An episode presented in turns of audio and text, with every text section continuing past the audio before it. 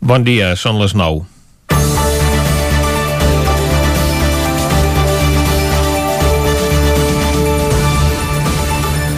Des d'avui els caps de setmana comencen els divendres a les 6 del matí i acaben els dilluns a la mateixa hora. Això és el que ha decretat el govern de la Generalitat que en aquesta franja horària restringeix la mobilitat a l'àmbit municipal i tanca perimetralment Catalunya durant tota la setmana. Les mesures no acaben aquí perquè també queden immediatament suspesos i de moment per 15 dies tots els actes culturals i les activitats extraescolars, a part de continuar amb l'aturada de les activitats esportives i de les mesures que ja es porten 15 dies aplicant-se. Les mesures restrictives aplicades a bars i restaurants també s'estenen a centres comercials i establiments de més de 800 metres quadrats.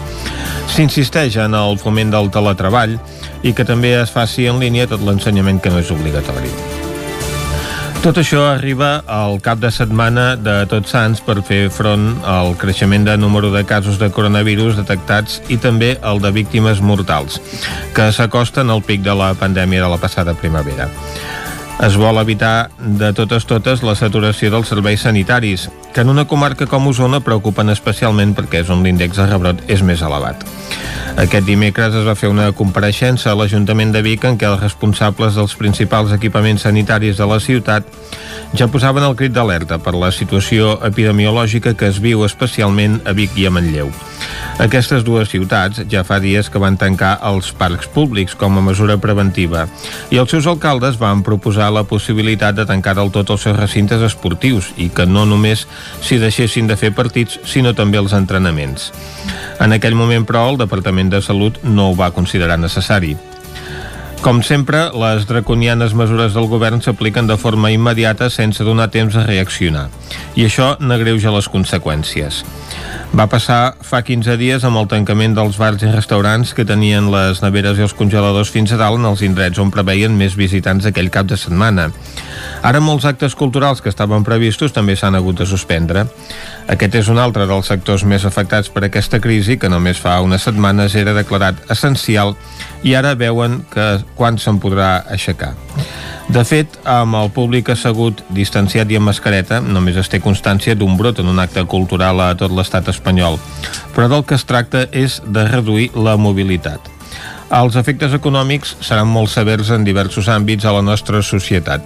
Els 300 milions promesos ara pel govern poden acabar sent una quincalla davant de la magnitud de damnificats.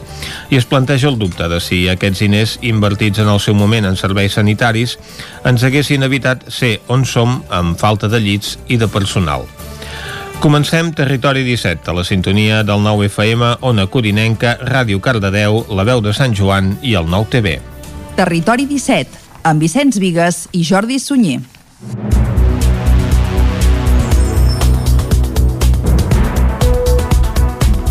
Són les 9 i 3 minuts al matí. Benvinguts al Territori 17 d'aquest divendres, 30 d'octubre de 2020, prèvia una castanyada i a un Tots Sants que no seran com els que hem viscut fins ara. A Territori 17 d'avui parlarem amb l'alcaldessa de Viladrau, presentarem novetats musicals, farem un repàs a la poca activitat esportiva que hi haurà aquest cap de setmana i ens interessarem per l'afectació que la pandèmia està tenint al sector de l'hostaleria. Per començar el programa, però, fem un repàs a l'última hora de l'actualitat de les comarques comarques del Ripollès, Osona, el Moianès i el Vallès Oriental.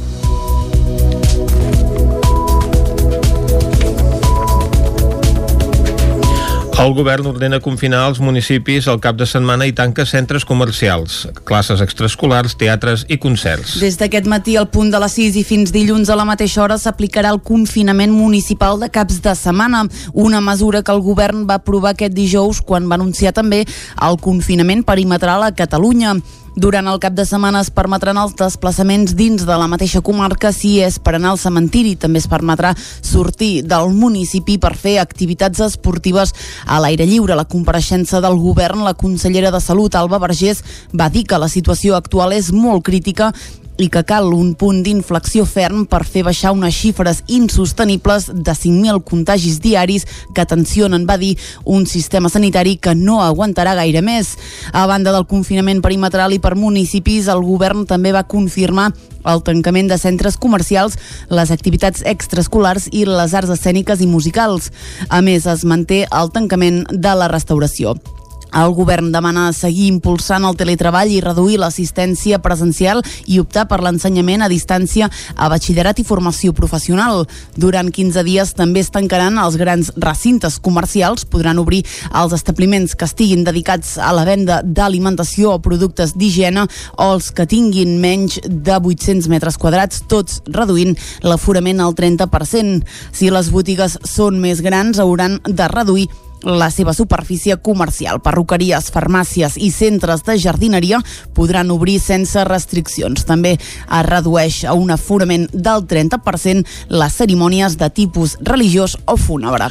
El risc de rebrot i la taxa de reproducció de la Covid-19 experimenta un lleuger descens al Ripollès. Isaac Muntades, des de la veu de Sant Joan. A poc a poc, la situació de la pandèmia de la Covid-19 va retrocedint al Ripollès, ja que el risc de rebrot a la comarca ha baixat una mica més de 20 punts des de dimecres, passant de 700 754,27 a 733,42 unitats. Tot i ser dades encara molt altes, criden a l'optimisme després que avui s'hagin començat a aplicar les restriccions del govern de la Generalitat per evitar els contagis. En canvi, el que ha pujat lleugerament és la taxa setmanal de casos confirmats per PCR i antígens, que s'incrementa de 80 a 85 i s'enfila a 354,17 unitats, una mica més de 20 punts que dimecres. En canvi, la velocitat de propagació RT cau dels 1,23 als 1,15 punts i, per tant, cada vegada és més a prop d'estar per sota de l'1. Pel que fa a l'Hospital de Can de Bànol, ara mateix hi ha 6 pacients ingressats per Covid-19, dos professionals sanitaris positius i 7 més d'aïllats. S'han diagnosticat 4 anàlisis positives més que dimecres, amb 290, i ja s'han donat d'alta a 94 pacients, unes dades del centre hospitalari que ja fa unes setmanes que s'han estancat força. Respecte a l'índex de risc de rebrot per municipi, Ribes de Freser continua sent la població amb el risc més alt de la comarca, amb 3.674,87 punts, pujant a més de 900 respecte al dimecres, però curiosament amb xifres absolutes més baixes amb 48 casos diagnosticats diagnosticats en els últims 14 dies, però només 7 en la darrera setmana. En canvi, la taxa de reproducció de l'epidèmia torna a pujar fins a 1,37 punts. En canvi, a Camprodon baixa més de 600 punts per situar-se en 1.222,88 punts amb 24 casos detectats en les últimes dues setmanes, 14 dels quals en la darrera. La taxa de reproducció de l'epidèmia cau en picat dels 1,90 als 1,16 punts. A Ripoll el risc puja lleugerament fins als 886,89 punts, amb 77 positius les darreres dues setmanes i 44 que s'han detectat en els darrers 7 dies.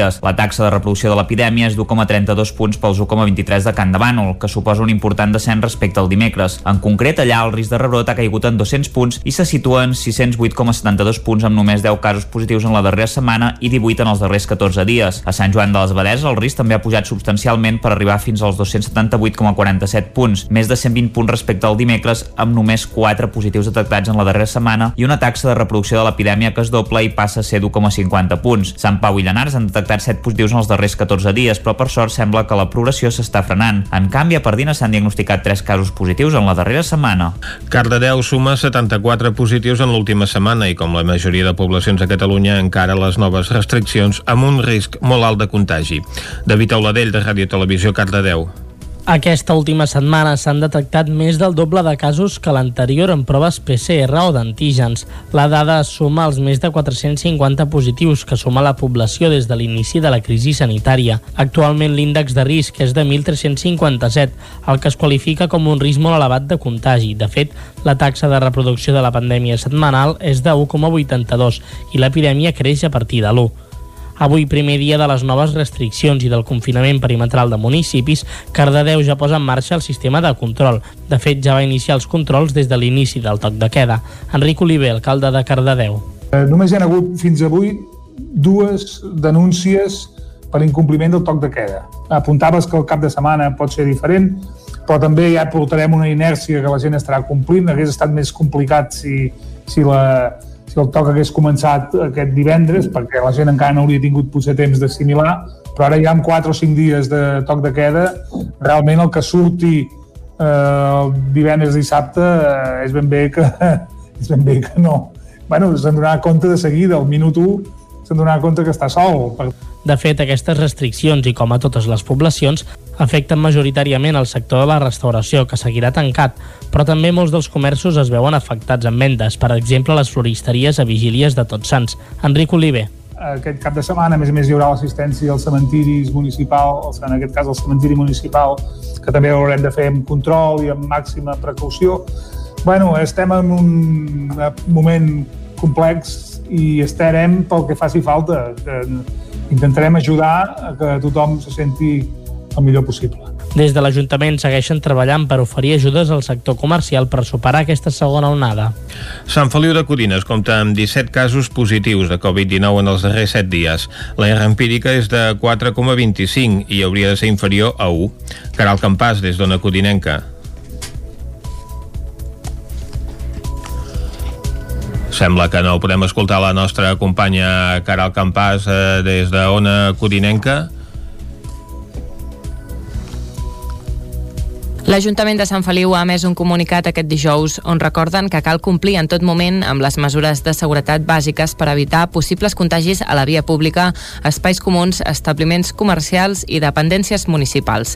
En aquest sentit, Mercè Serratacó, alcaldessa de Sant Feliu, diu que la problemàtica de persones ajuntant-se davant d'establiments per consumir comandes no s'ha solucionat. Bueno, a mi no, a mi no m'ha arribat, eh, de que hi hagi hagut cap canvi massa important, però, bueno, és que, és que vas pel carrer i ho veus, que la gent es queda a la porta prenent-se cafè, que dius, a veure, quina part no entenem, però bueno, també saps què passa? Que, que després també veus que hi ha coses que, que no, no es fan bé i segons qui les fa sembla que no passi res i també fa una mica de ràbia després d'haver d'anar a renyar la gent perquè es pren el cafè a la porta d'un bar, m'entens? Segons dades de la Diputació de Barcelona, la última setmana hi ha hagut 17 contagis a Sant Feliu i la R empírica és de 4,25. És la taxa de reproducció del virus més elevada entre les poblacions de l'Alt Vallès, on Vigues i Riells compta amb una R de 3 i a Caldes de Montbui de 0,83.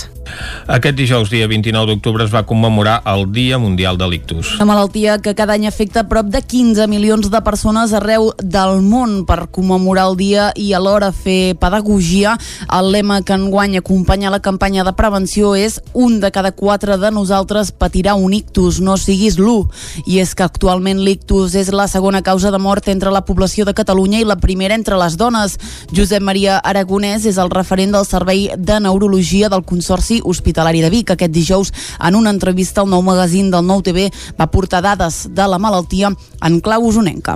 Sí, en els últims eh, cinc anys eh, tenim eh, dades que són eh, bastant similars. Tenim uns 250 ictus eh, a la comarca, bueno, atesos a l'hospital, ictus que poden ser tant eh, eh, isquèmics per infart cerebral, eh, per un trombo amb, amb infart cerebral, o bé hemorràgics.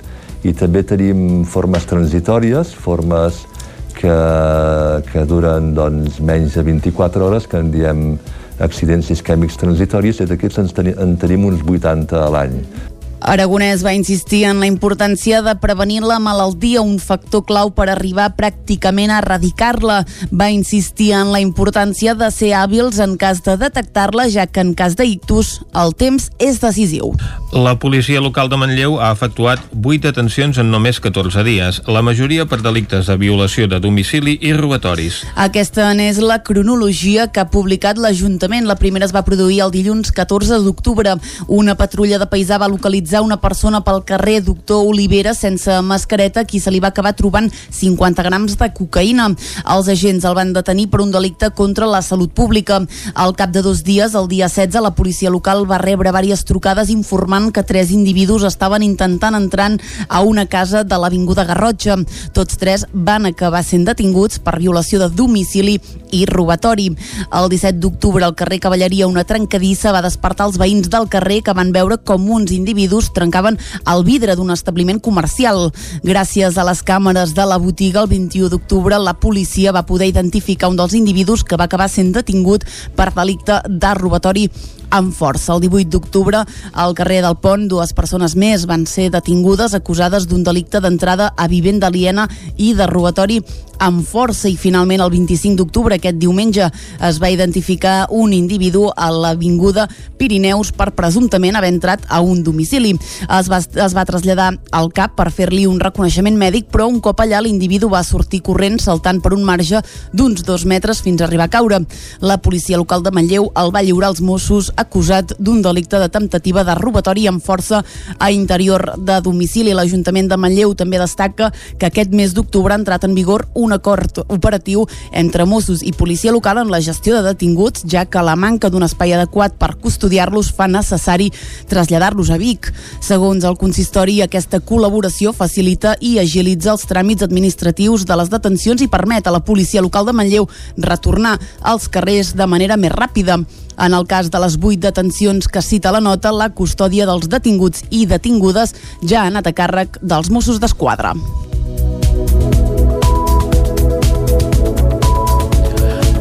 Fins aquí aquest repàs a l'actualitat de les comarques del Vallès Oriental, Osona, el Moianès i el Ripollès. Ara és hora de fer una ullada a quin temps farà aquest cap de setmana en aquestes comarques.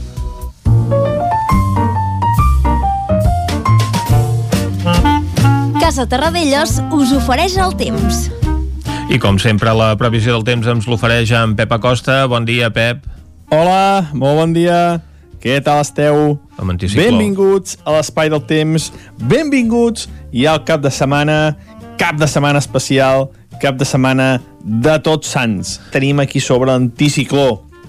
Hi ha un anticicló molt potent que el tenim a sobre la península ibèrica Uh -huh. i avui, demà i diumenge el temps serà clavat. No hi haurà mm, cap, cap diferència gairebé en aquests tres dies. Les mínimes són mica fredes, mm, són mica fredes, les temperatures volten entre els 5 i els 10 graus, sobretot les fondalades, com sempre dic, es diposita l'aire fred en allà, però tampoc fa molt, molt, un ambient gèlid de bon tros, eh? Unes temperatures bastant normals per l'època de l'any, i on les temperatures són més altes serà de dia. Avui, respecte ahir, pugen 2, 3, 4 graus. Les màximes entre 20 i 25 graus a la majoria de les poblacions. Molt, molt suaus. Matins de jaqueta, tant avui, demà com diumenge, però migdies de màniga curta, de màniga de camisa. Uh, unes temperatures més pròpies a principis d'octubre, de finals de setembre, que no pas d'aquestes dates a la que ens trobem. I això els tres dies és vàlid, eh? O sigui, els tres dies farà el mateix al mateix temps. Pel que fa al estat del cel, gairebé cap núvol, un cel preciós, un cel blau, i, com a molt, alguna pinzellada de, de núvols prims, que seran de tot insignificants, del tot inofensius, i que, òbviament, no deixaran cap precipitació. I a destacar també que la nit de, de la Castanyada, la nit de dissabte, diumenge, hi haurà lluna plena. És un fet que des del 1944 no es podia, per tant, 80 anys que no, no hi ha lluna plena per una castanyada, es pot observar perfectament, molt maca al sortir, molt, molt fotogènica, i feu, feu des de, des de les vostres cases, ja que no ens deixaran fer... Ja que no podem fer una, no, aquest virus no, no ens deixa fer una castanyada normal, aprofiteu per mirar la lluna i per fer la castanyada sols o amb, amb les persones més pròximes a vosaltres. I res més, a disfrutar aquest cap de setmana i atenció, perquè sembla que la setmana que ve serà força més moguda. Cuidado amb les tempestes, baixada de temperatures i nevades. Però aquí ho deixo i ja m'hi concretat la setmana que ve. De moment, aquest cap de setmana, molt de sol, a disfrutar-lo. Adeu. Adeu, Pep, i moltes gràcies. Prenem nota, doncs, eh, què és el que pot passar la setmana vinent amb tota mena de fenòmens meteorològics propis de la tardor i bé, lamentar doncs, que aquesta vegada que per el dia de la Castanyada tenim lluna plena des del 1944 doncs l'haguem de viure sense poder sortir dels nostres municipis. Després del repàs al temps anirem cap al quiosc. Casa Tarradellas us ha ofert aquest espai. Territori 17. Envia'ns les teves notes de veu per WhatsApp al 646 079 023. 646 079 023. WhatsApp Territori 17.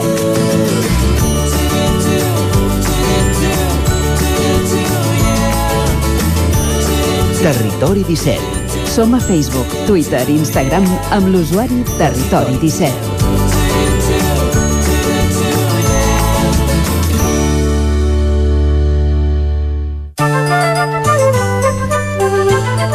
Com us hem dit, és hora de viatjar cap al quiosc i avui que és divendres el que farem és començar amb les portades del 9-9, Clàudia. Correctament, bon dia de nou. Comencem concretament per l'edició d'Osona i el Ripollès que parla de l'últim intent. La Generalitat prohibeix sortir dels municipis els caps de setmana abans de tornar a un confinament més sever. A l'UCI de l'Hospital de Vic ja no hi queden llits. Cada dia ingressen a Osona una dotzena de persones amb Covid-19. A la imatge hi veiem un forner, un forner de la capital usonenca que diu la vida invisible durant les hores de toc de queda. Des que va decretar-se el confinament nocturn al cap de setmana passat, els carrers d'Osona i el Ripollès estan encara més buits que mai entre les 10 del vespre i les 6 del matí. Ha, però, qui, independentment de les restriccions de la pandèmia, ha de fer vida durant aquestes hores. Avui, doncs, eh, obrim amb aquest tema.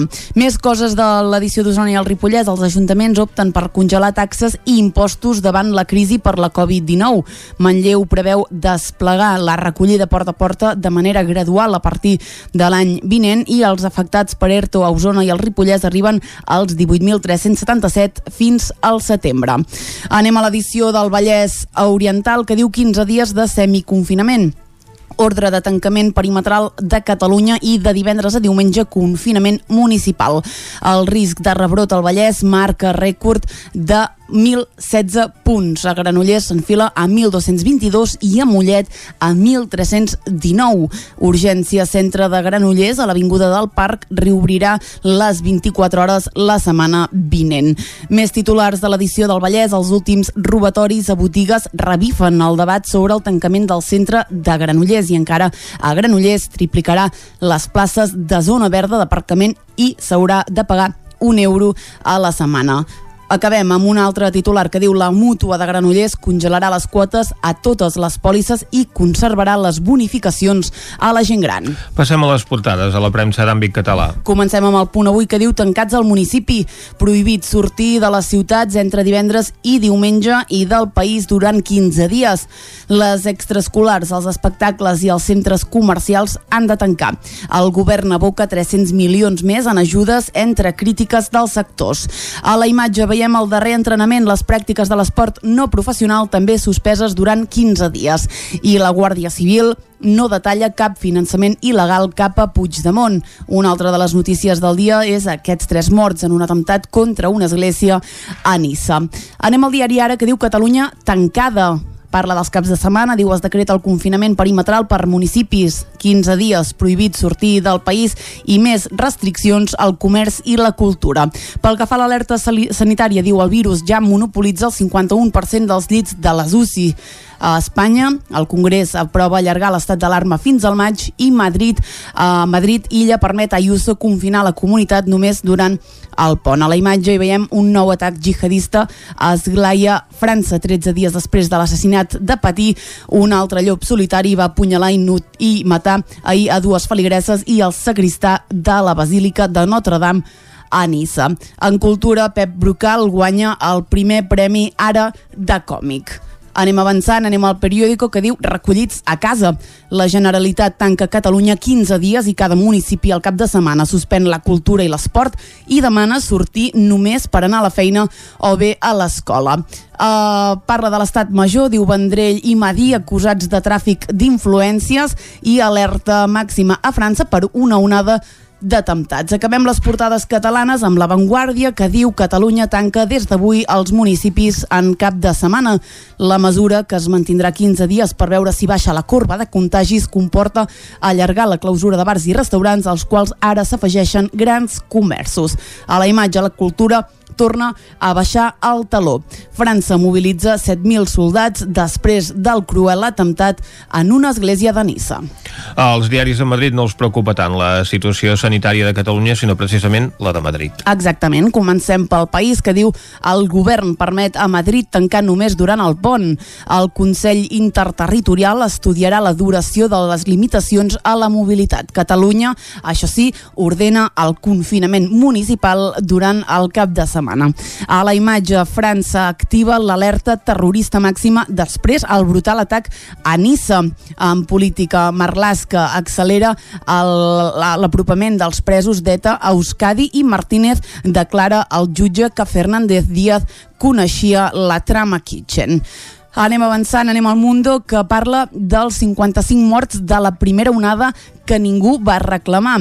Alerta perquè diu eh, que 55 persones doncs, van morir durant el pic de la pandèmia i que ningú eh, doncs, va reclamar els seus cadàvers. Ara la Comunitat de Madrid el que ha fet és organitzar un enterrament benèfic per totes aquestes persones. Eh, és una de les imatges que apareix avui a la portada, eh, que també es fa ressò de que Sánchez ha donat un cop de porta al Congrés per sis mesos de pandèmia. Macron diu blinda les esglésies a França després de l'atemptat mortal de Nissa. I alerta, perquè aquí torna a parlar de l'estat major de Puigdemont. Diu, en Villa accedirem al Ministeri. Són unes declaracions que a continuació quedaran més eh, enteses. Anem a la Razón, que diu, alerta a la Unió Europea. Espanya està sotmesa al caos polític. A Brussel·les diu, observen amb preocupació la gestió de la pandèmia de Pedro Sánchez.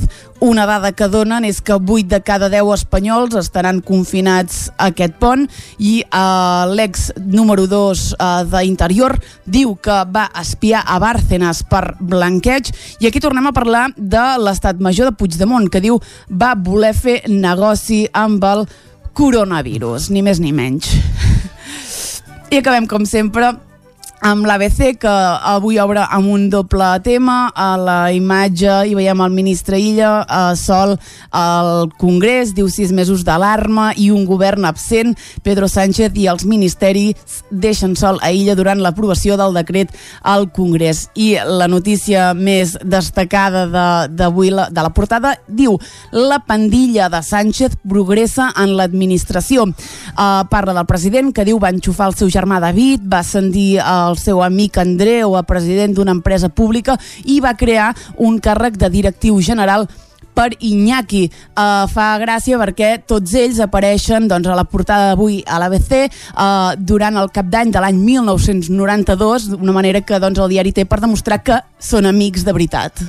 Bé, doncs amb aquestes amistats del president del govern espanyol tanquem aquesta visita al quiosc. 9 FM, la ràdio de casa, al 92.8. Les bones decisions tenen premi. I és que si té una caldera Vaillant, està d'enhorabona. Vaillant li ofereix fins a 15 anys de cobertura total, amb la revisió obligatòria inclosa. Informis a Oficiat Nord trucant al 93 886 0040. Amb el servei tècnic oficial de Vaillant, la seva caldera estarà en les millors mans. Vols trencar amb l'oligopoli de l'IBEX 35? Apunta't al consum estratègic i comença a consumir serveis catalans. Per això et convidem a omplir el dipòsit a Petrolis Independents. A Osona ens trobaràs al polígon Mas Galí de Vic i a Centelles just després de la sortida sud. Si vols factura, entra a la nostra pàgina web petrolisindependents.cat i dona't d'alta. Comença a ser independent. Tenim la força de l'amor. Anuncia't al 9FM. La màquina de casa. 9 3 8 8 9 4 9 4 9. Publicitat arroba al 9FM.cat. Anuncia't al 9FM. La publicitat més eficaç. La Fogonera, resistència gastronòmica. És un restaurant? És un rostidor? És La Fogonera, la cuina en directe des de GURB, on encarregues, ho vens a buscar i ara també t'ho portem a casa. La Fogonera, resistència gastronòmica. Ara amb la fogonera de dia amb aperitius, arrossos, segons plats i postres. I quan cau la nit, ens transformem en un popurri culinari. Burgers, pizza, pasta... Truca al 93 851 55 75 o entra a lafogonera.cat. La Fogonera, el teu aliat gastronòmic. Hi ha una màgia que no té truc. És la màgia de compartir una estona amb algú i parlar-hi. Vols practicar català? Vols ajudar algú a parlar-lo? Apunta't al voluntariat per la llengua. El programa de les parelles lingüístiques a vxl.cat Perquè quan parles, fas màgia. Generalitat de Catalunya. 100 milions i mig de futurs. Quan vulguis abraçar la teva amiga, cap fred. Quan tinguis una reunió de feina, cap fred. Quan vagis a veure el teu avi, cap fred. Extremeu les mesures de seguretat. Recordeu, distància, mascareta, rentat de mans i reducció de l'activitat social. Cuidem el que som. Generalitat de Catalunya. 7 milions i mig de futurs. Cada territori té un atractiu o més d'un. El fruit, el paisatge, la seva gent, les pedres... Camins de l'Eix. Descobrint el capital de terra endins. Camins de l'Eix, dissabte a les 9 del vespre al 9 TV. Aquesta setmana, al Lluçanès, amb el suport de la Generalitat de Catalunya. 7 milions i mig de futurs. El nou FM, el nou FM, el nou FM, el nou FM. Territori 17, amb Vicenç Vigues i Jordi Sunyer.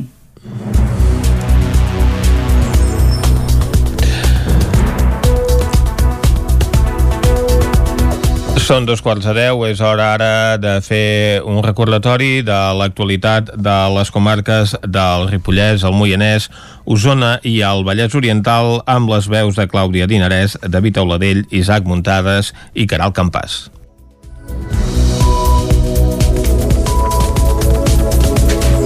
El govern ordena confinar els municipis al cap de setmana i tanca centres comercials, classes extraescolars, teatres i concerts. Des d'aquest matí al punt de les 6 i fins dilluns a la mateixa hora s'aplicarà el confinament municipal de caps de setmana, una mesura que el govern va aprovar aquest dijous quan va anunciar també el confinament perimetral a Catalunya.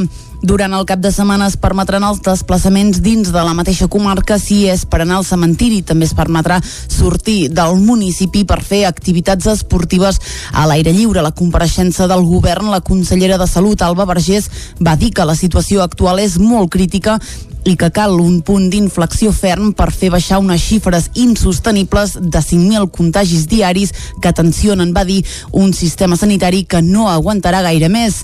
A banda del confinament perimetral i per municipis, el govern també va confirmar el tancament de centres comercials, les activitats extraescolars i les arts escèniques i musicals. A més, es manté el tancament de la restauració. El govern demana seguir impulsant el teletreball i reduir l'assistència presencial i optar per l'ensenyament a distància a batxillerat i formació professional. Durant 15 dies també es tancaran els grans recintes comercials, podran obrir els establiments que estiguin dedicats a la venda d'alimentació o productes d'higiene o els que tinguin menys de 800 metres quadrats, tots reduint l'aforament al 30%. Si les botigues són més grans, hauran de reduir la seva superfície comercial. Perruqueries, farmàcies i centres de jardineria podran obrir sense restriccions. També es redueix a un aforament del 30% les cerimònies de tipus religiós o fúnebre.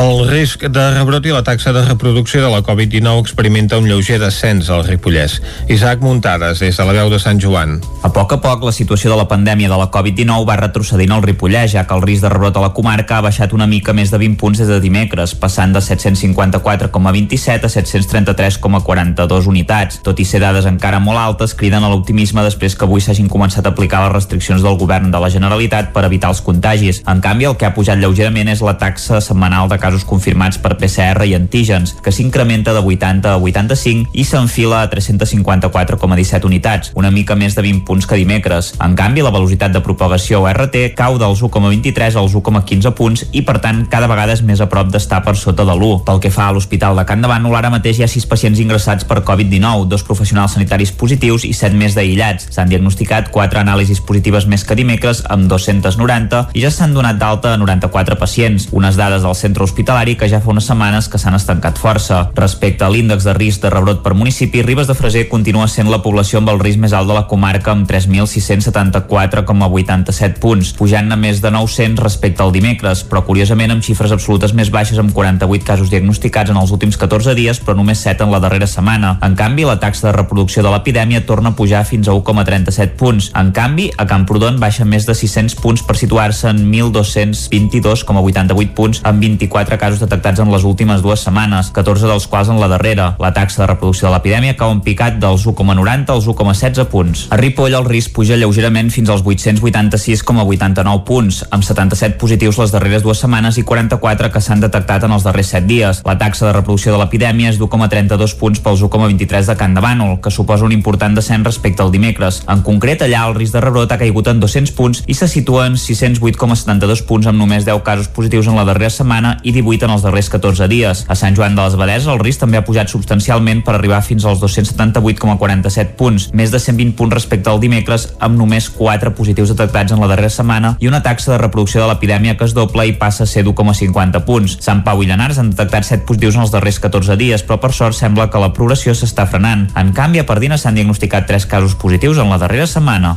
Cardedeu suma 74 positius en l'última setmana i com la majoria de poblacions a Catalunya encara les noves restriccions amb un risc molt alt de contagi. David Auladell de Ràdio Televisió Cardedeu.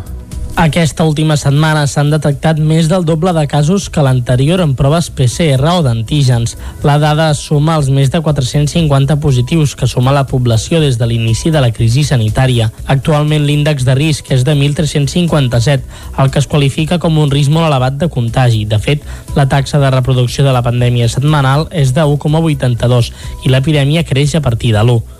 Avui, primer dia de les noves restriccions i del confinament perimetral de municipis, Cardedeu ja posa en marxa el sistema de control. De fet, ja va iniciar els controls des de l'inici del toc de queda. Enric Oliver, alcalde de Cardedeu. Eh, només hi ha hagut fins avui dues denúncies per incompliment del toc de queda. Apuntaves que el cap de setmana pot ser diferent, però també ja portarem una inèrcia que la gent estarà complint. Hauria estat més complicat si, si la, el toc hagués començat aquest divendres, perquè la gent encara no hauria tingut potser temps d'assimilar, però ara ja amb 4 o 5 dies de toc de queda, realment el que surti eh, el divendres dissabte eh, és ben bé que és ben bé que no. Bueno, se'n donarà compte de seguida, al minut 1 se'n donarà compte que està sol. De fet, aquestes restriccions, i com a totes les poblacions, afecten majoritàriament el sector de la restauració, que seguirà tancat, però també molts dels comerços es veuen afectats en vendes, per exemple les floristeries a vigílies de Tots Sants. Enric Oliver aquest cap de setmana, a més a més, hi haurà l'assistència als cementiris municipals, en aquest cas el cementiri municipal, que també haurem de fer amb control i amb màxima precaució. bueno, estem en un moment complex i estarem pel que faci falta. Que intentarem ajudar a que tothom se senti el millor possible. Des de l'Ajuntament segueixen treballant per oferir ajudes al sector comercial per superar aquesta segona onada. Sant Feliu de Codines compta amb 17 casos positius de Covid-19 en els darrers 7 dies. La R empírica és de 4,25 i hauria de ser inferior a 1. Caral Campàs, des d'Ona Codinenca.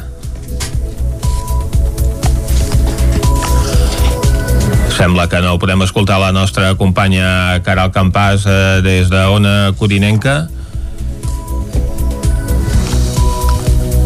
L'Ajuntament de Sant Feliu ha emès un comunicat aquest dijous on recorden que cal complir en tot moment amb les mesures de seguretat bàsiques per evitar possibles contagis a la via pública, espais comuns, establiments comercials i dependències municipals.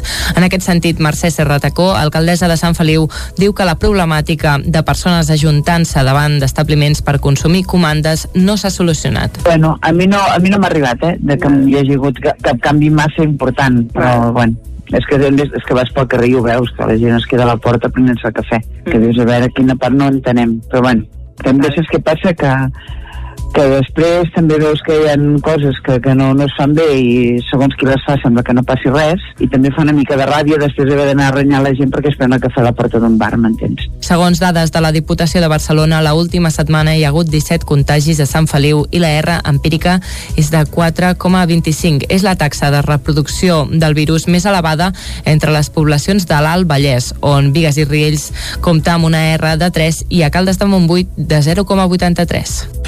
Aquest dijous, dia 29 d'octubre, es va commemorar el Dia Mundial de l'Ictus. Una malaltia que cada any afecta prop de 15 milions de persones arreu del món per commemorar el dia i alhora fer pedagogia. El lema que enguany acompanya la campanya de prevenció és un de cada quatre de nosaltres patirà un ictus, no siguis l'1. I és que actualment l'ictus és la segona causa de mort entre la població de Catalunya i la primera entre les dones. Josep Maria Aragonès és el referent del Servei de Neurologia del Consorci Hospitalari de Vic. Aquest dijous, en una entrevista al nou magazín del Nou TV, va portar dades de la malaltia en clau usonenca. Sí, en els últims eh, cinc anys eh, tenim eh, eh, dades que són eh, bastant similars. Tenim uns 250 ictus eh, a la comarca, bueno, atesos a l'hospital, ictus que poden ser tant eh, eh, isquèmics per infart cerebral, eh, per un trombo amb, amb infart cerebral, o bé hemorràgics. I també tenim formes transitòries, formes que, que duren doncs, menys de 24 hores, que en diem accidents isquèmics transitoris, i d'aquests en, en tenim uns 80 a l'any. Aragonès va insistir en la importància de prevenir la malaltia, un factor clau per arribar pràcticament a erradicar-la. Va insistir en la importància de ser hàbils en cas de detectar-la, ja que en cas d'ictus el temps és decisiu. La policia local de Manlleu ha efectuat 8 detencions en només 14 dies, la majoria per delictes de violació de domicili i robatoris. Aquesta n'és la cronologia que ha publicat l'Ajuntament. La primera es va produir el dilluns 14 d'octubre. Una patrulla de paisà va localitzar una persona pel carrer Doctor Olivera sense mascareta, qui se li va acabar trobant 50 grams de cocaïna. Els agents el van detenir per un delicte contra la salut pública. Al cap de dos dies, el dia 16, la policia local va rebre diverses trucades informant que tres individus estaven intentant entrar a una casa de l'Avinguda Garrotxa. Tots tres van acabar sent detinguts per violació de domicili i robatori. El 17 d'octubre, al carrer Cavalleria, una trencadissa va despertar els veïns del carrer que van veure com uns individus trencaven el vidre d'un establiment comercial.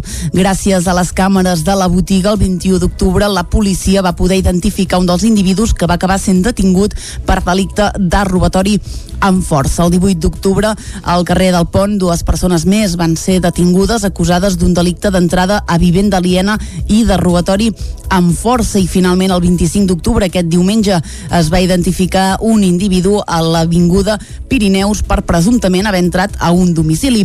Es va, es va traslladar al CAP per fer-li un reconeixement mèdic, però un cop allà l'individu va sortir corrent saltant per un marge d'uns dos metres fins a arribar a caure. La policia local de Manlleu el va lliurar als Mossos acusat d'un delicte de temptativa de robatori amb força a interior de domicili. L'Ajuntament de Manlleu també destaca que aquest mes d'octubre ha entrat en vigor un acord operatiu entre Mossos i policia local en la gestió de detinguts, ja que la manca d'un espai adequat per custodiar-los fa necessari traslladar-los a Vic. Segons el consistori, aquesta col·laboració facilita i agilitza els tràmits administratius de les detencions i permet a la policia local de Manlleu retornar als carrers de manera més ràpida.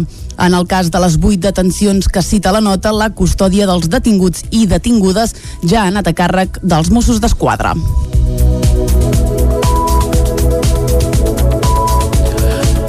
Fins aquí aquest repàs a l'actualitat de les comarques del Vallès Oriental, Osona, el Moianès i el Ripollès. Ara és hora de fer una ullada a quin temps farà aquest cap de setmana en aquestes comarques.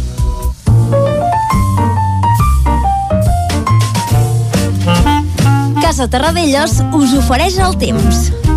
I com sempre, la previsió del temps ens l'ofereix en Pep Acosta. Bon dia, Pep. Hola, molt bon dia. Què tal esteu? Amb anticicló. Benvinguts a l'Espai del Temps, benvinguts i al cap de setmana, cap de setmana especial, cap de setmana de tots sants. Tenim aquí sobre l'anticicló. Hi ha un anticicló molt potent que el tenim a sobre la península Ibèrica Uh -huh. i avui, demà i diumenge el temps serà clavat. No hi haurà mm, cap, cap diferència gairebé en aquests tres dies. Les mínimes són mica fredes, mm, són mica fredes, les temperatures volten entre els 5 i els 10 graus, sobretot les fondalades, com sempre dic, es diposita l'aire fred en allà, però tampoc fa molt, molt, un ambient gèlid de bon tros, eh? Unes temperatures bastant normals per l'època de l'any, i on les temperatures són més altes serà de dia. Avui, respecte a ahir, pugen 2, 3, 4 graus. Les màximes entre 20 i 25 graus a la majoria de les poblacions. Molt, molt suaus. Matins de jaqueta, tant avui, demà com diumenge, però a migdies de màniga curta, de màniga de camisa. Uh, unes temperatures més pròpies a principis d'octubre, de finals de setembre, que no pas d'aquestes dates a la que ens trobem. I això els tres dies és vàlid, eh? O sigui, els tres dies farà el mateix al mateix temps. Pel que fa al estat del cel, gairebé cap núvol, un cel preciós, un cel blau, i, com a molt, alguna pinzellada de, de núvols prims, que seran de tot insignificants, del tot inofensius, i que, òbviament, no deixaran cap precipitació. I a destacar també que la nit de, de la Castanyada, la nit de dissabte, diumenge, hi haurà lluna plena. És un fet que des del 1944 no es podia, per tant, 80 anys que no, no hi ha lluna plena per una castanyada, es pot observar perfectament, molt maca al sortir, molt, molt fotogènica, i feu, feu des de, des de les vostres cases, ja que ens deixaran fer ja que no podem fer una, no, aquest virus no, no sé si fer una castanyada normal. Aprofiteu per mirar la lluna i per fer la castanyada sols o amb, amb les persones més pròximes a vosaltres. I res més, a disfrutar aquest cap de setmana. I atenció perquè sembla que la setmana que ve serà força més moguda. Cuidado amb les tempestes baixada de temperatures i nevades. Però aquí ho deixo i ja anirem concretant la setmana que ve. De moment que cada setmana molt de sol a disfrutar-lo. Adeu.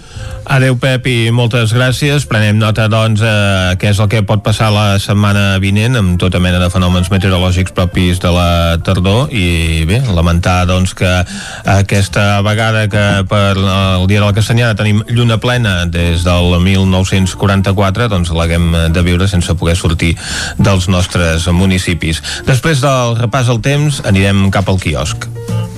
Casa Tarradellas us ha ofert aquest espai. Territori 17. Envia'ns les teves notes de veu per WhatsApp al 646 079 023. 646 079 023. WhatsApp Territori 17.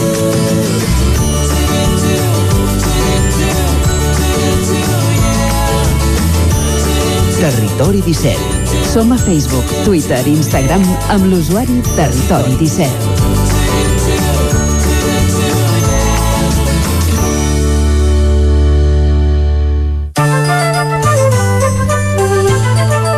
Hem dit, és hora de viatjar cap al quiosc i avui que és divendres el que farem és començar amb les portades del 9-9, Clàudia. Correctament, bon dia de nou. Comencem concretament per l'edició d'Osona i el Ripollès que parla de l'últim intent. La Generalitat prohibeix sortir dels municipis els caps de setmana abans de tornar a un confinament més sever. A l'UCI de l'Hospital de Vic ja no hi queden llits. Cada dia ingressen a Osona una dotzena de persones amb Covid-19. A la imatge hi veiem un forner, un forner de la capital osonenca que diu la vida invisible durant les hores de toc de queda. Des que va decretar-se el confinament nocturn al cap de setmana passat, els carrers d'Osona i el Ripollès estan encara més buits que mai entre les 10 del vespre i les 6 del matí. Hi ha, però, qui, independentment de les restriccions de la pandèmia, ha de fer vida durant aquestes hores. Avui, doncs, eh, obrim amb aquest tema.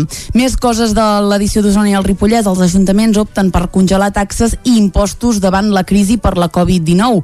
Manlleu preveu desplegar la recollida porta a porta de manera gradual a partir de l'any vinent i els afectats per ERTO a Osona i el Ripollès arriben als 18.377 fins al setembre. Anem a l'edició del Vallès Oriental que diu 15 dies de semiconfinament ordre de tancament perimetral de Catalunya i de divendres a diumenge confinament municipal. El risc de rebrot al Vallès marca rècord de 1.016 punts. A Granollers s'enfila a 1.222 i a Mollet a 1.319. Urgència Centre de Granollers a l'Avinguda del Parc reobrirà les 24 hores la setmana vinent. Més titulars de l'edició del Vallès, els últims robatoris a botigues revifen el debat sobre el tancament del centre de Granollers i encara a Granollers triplicarà les places de zona verda d'aparcament i s'haurà de pagar un euro a la setmana. Acabem amb un altre titular que diu la mútua de Granollers congelarà les quotes a totes les pòlisses i conservarà les bonificacions a la gent gran. Passem a les portades a la premsa d'àmbit català. Comencem amb el punt avui que diu tancats al municipi, prohibit sortir de les ciutats entre divendres i diumenge i del país durant 15 dies. Les extraescolars, els espectacles i els centres comercials han de tancar. El govern aboca 300 milions més en ajudes entre crítiques dels sectors. A la imatge veiem el darrer entrenament, les pràctiques de l'esport no professional també suspeses durant 15 dies. I la Guàrdia Civil no detalla cap finançament il·legal cap a Puigdemont. Una altra de les notícies del dia és aquests tres morts en un atemptat contra una església a Nissa. Anem al diari Ara que diu Catalunya tancada parla dels caps de setmana, diu es decreta el confinament perimetral per municipis, 15 dies prohibit sortir del país i més restriccions al comerç i la cultura. Pel que fa a l'alerta sanitària, diu el virus ja monopolitza el 51% dels llits de les UCI. A Espanya, el Congrés aprova allargar l'estat d'alarma fins al maig i Madrid, a Madrid Illa permet a Ayuso confinar la comunitat només durant el pont. A la imatge hi veiem un nou atac jihadista a Esglaia, França, 13 dies després de l'assassinat de Patí. Un altre llop solitari va apunyalar i, i matar ahir a dues feligreses i el sacristà de la Basílica de Notre Dame a Nissa. En cultura, Pep Brucal guanya el primer premi Ara de còmic. Anem avançant, anem al periòdico que diu recollits a casa. La Generalitat tanca Catalunya 15 dies i cada municipi al cap de setmana suspèn la cultura i l'esport i demana sortir només per anar a la feina o bé a l'escola. Uh, parla de l'estat major, diu Vendrell i Madí acusats de tràfic d'influències i alerta màxima a França per una onada d'atemptats. Acabem les portades catalanes amb l'avantguàrdia que diu Catalunya tanca des d'avui els municipis en cap de setmana. La mesura, que es mantindrà 15 dies per veure si baixa la corba de contagis, comporta allargar la clausura de bars i restaurants als quals ara s'afegeixen grans comerços. A la imatge, la cultura torna a baixar el taló. França mobilitza 7.000 soldats després del cruel atemptat en una església de Nissa.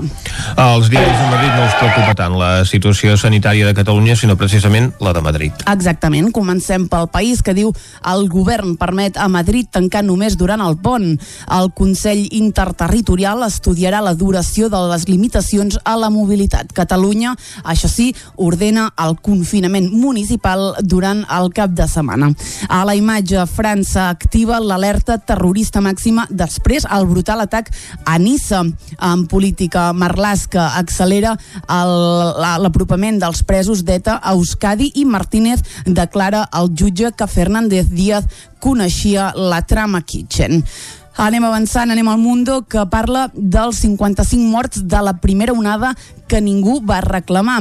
Alerta perquè diu eh, que 55 persones doncs, van morir durant el pic de la pandèmia i que ningú eh, doncs, va reclamar els seus cadàvers. Ara la Comunitat de Madrid el que ha fet és organitzar un enterrament benèfic per totes aquestes persones. Eh, és una de les imatges que apareix avui a la portada, eh, que també es fa ressò de que Sánchez ha donat un cop de porta al Congrés per sis mesos de pandèmia. Macron diu blinda les esglésies a França després de l'atemptat mortal de Nissa. I alerta, perquè aquí torna a parlar de l'estat major de Puigdemont. Diu, en Villa accedirem al Ministeri. Són unes declaracions que a continuació quedaran més eh, enteses. Anem a la Razón, que diu, alerta a la Unió Europea. Espanya està sotmesa al caos polític. A Brussel·les diu, observen amb preocupació la gestió de la pandèmia de Pedro Sánchez.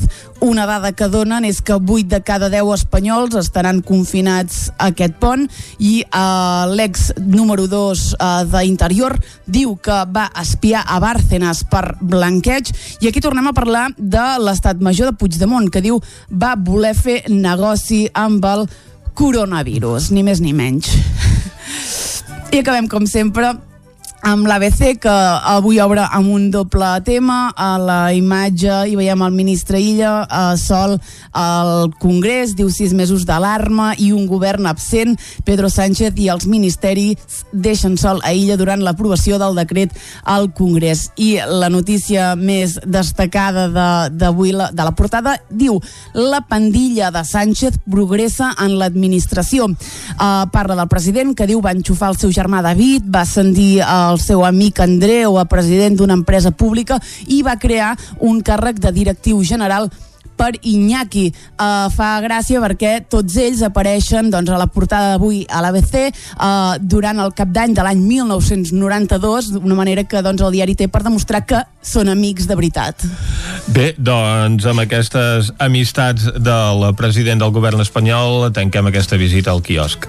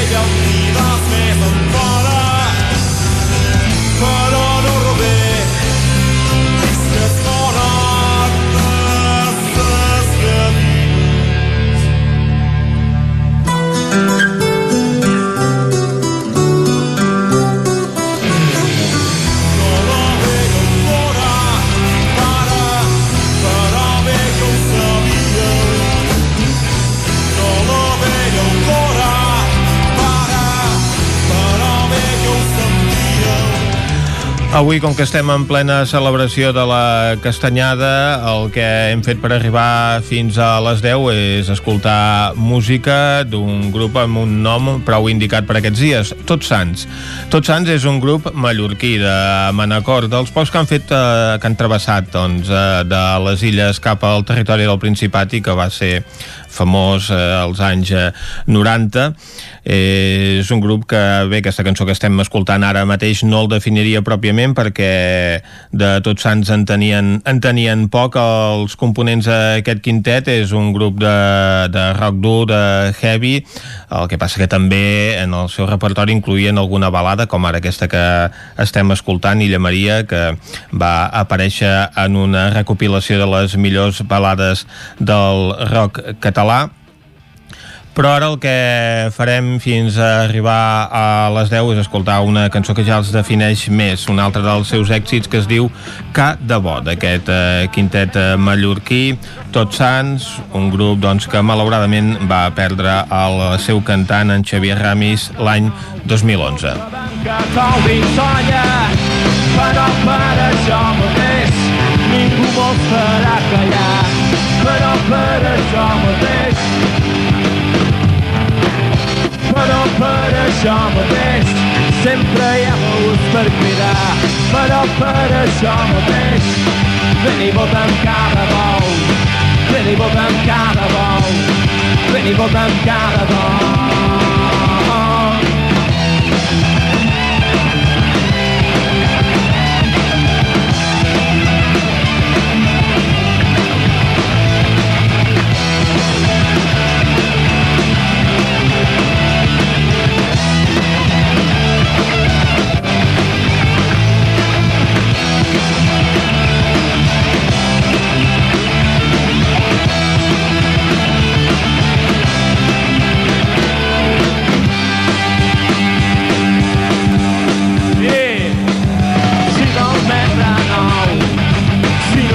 No acabes mai els olis, no compensis més, no carro i vine nosaltres. Avui tocarem, tu mos donaràs la canya, d'aquí endavant, quatre amics que no se tallen, però per això mateix ningú mos podrà callar.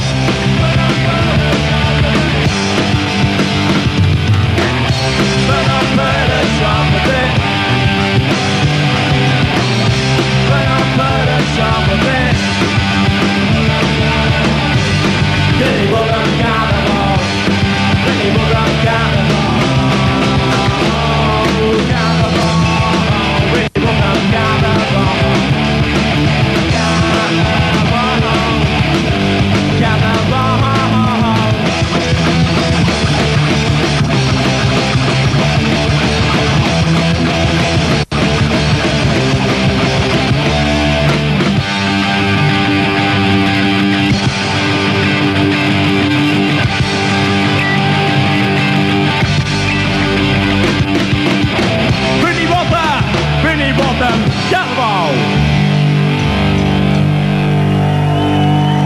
Gràcies, sou els millors casa meu. I ara, al punt de les 10, fem un repàs a l'actualitat de les comarques del Moianès, el Vallès Oriental, Osona i el Ripollès.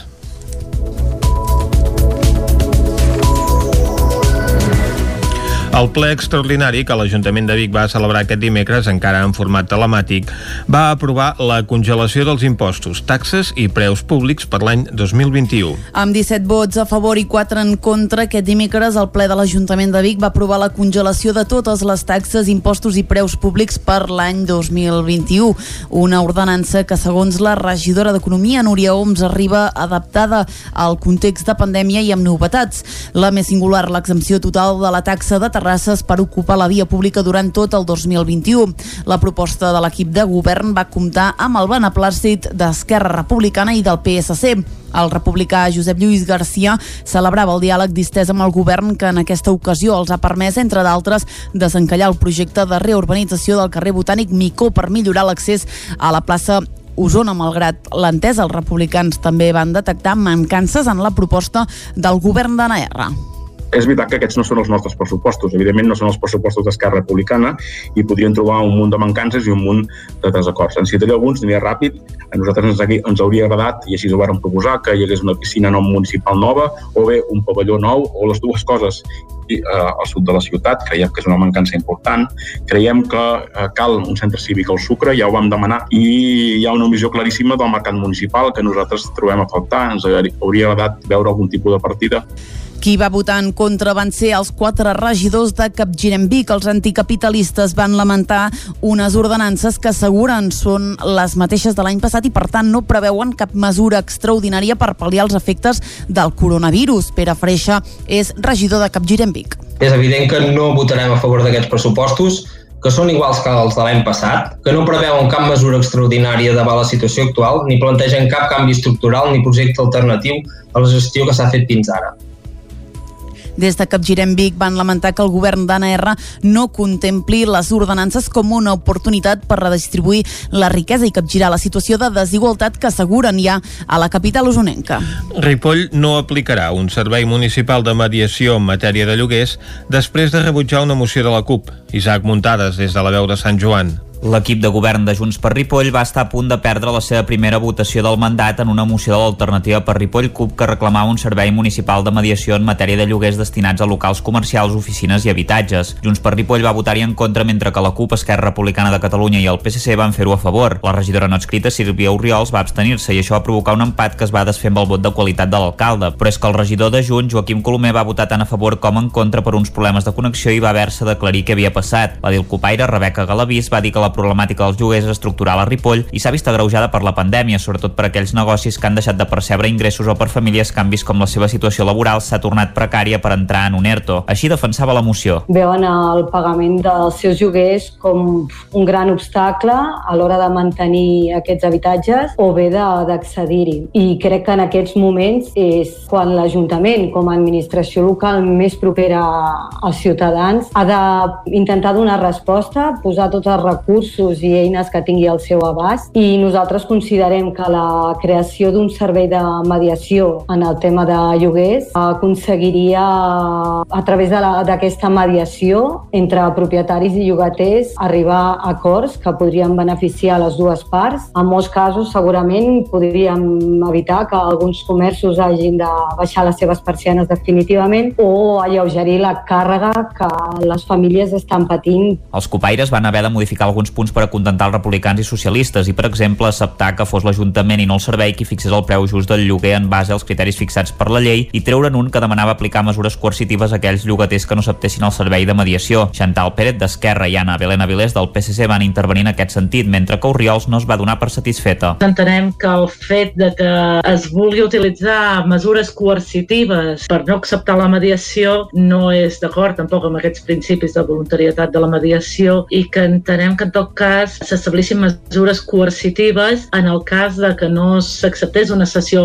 informativa de mediació, que en aquest cas sí que podria ser. la idea de que no pot ser que es facin mesures coercitives contra aquells que no es decideixin acceptar la mediació precisament perquè la mediació, com molt bé ha comentat la companya senyora Pérez, és voluntària. Per tant, ja estem atentant contra la base mateixa del que suposa una mediació. per apuntar quina és la visió de determinades formacions polítiques que tenim aquí al consistori de Ripoll. Eh? Pedagogia amb els incívics i els delinqüents i coerció amb qui molt no vol acceptar una mediació en els preus dels lloguers de locals o pisos privats. El regidor d'Habitatge, Joan Maria Roig, va justificar el vot en contra perquè sembla difícil que l'oficina d'habitatge, que és qui hauria de donar el servei, pugui intervenir en conflictes entre privats i que no sabrien si haurien de contractar molta més gent per donar-hi compliment. El Consell d'Alcaldes del Vallès Oriental, reunits dimecres telemàticament, demana responsabilitat als ciutadans per superar aquesta segona onada de la pandèmia. David Auladell, de Ràdio Televisió, Cardedeu. La sessió del Consell es va celebrar de forma extraordinària i urgent veient l'evolució de la pandèmia a la comarca. A més dels alcaldes, a la sessió hi va assistir el delegat del govern de la Generalitat a Barcelona, Juli Fernández, la gerent de la regió sanitària de l'àmbit metropolità nord, Anna Aran, el director del sector sanitari Vallès Oriental, Joan Parellada, i la sotsdirectora general de Coordinació i Gestió d'Emergències, Imam Soler, que ja van avançar que ahir el Procicat aprovaria noves mesures. Es va insistir que cal reduir la interacció social i la mobilitat i assegurar els aïllaments i quarantenes quan calgui, per assegurar que l'activitat ordinària als hospitals no es vegi afectada i poder garantir l'atenció sanitària no Covid a tothom. En una setmana al Vallès es va duplicar la taxa de PCRs positives i va augmentar un 30% la taxa de confinats.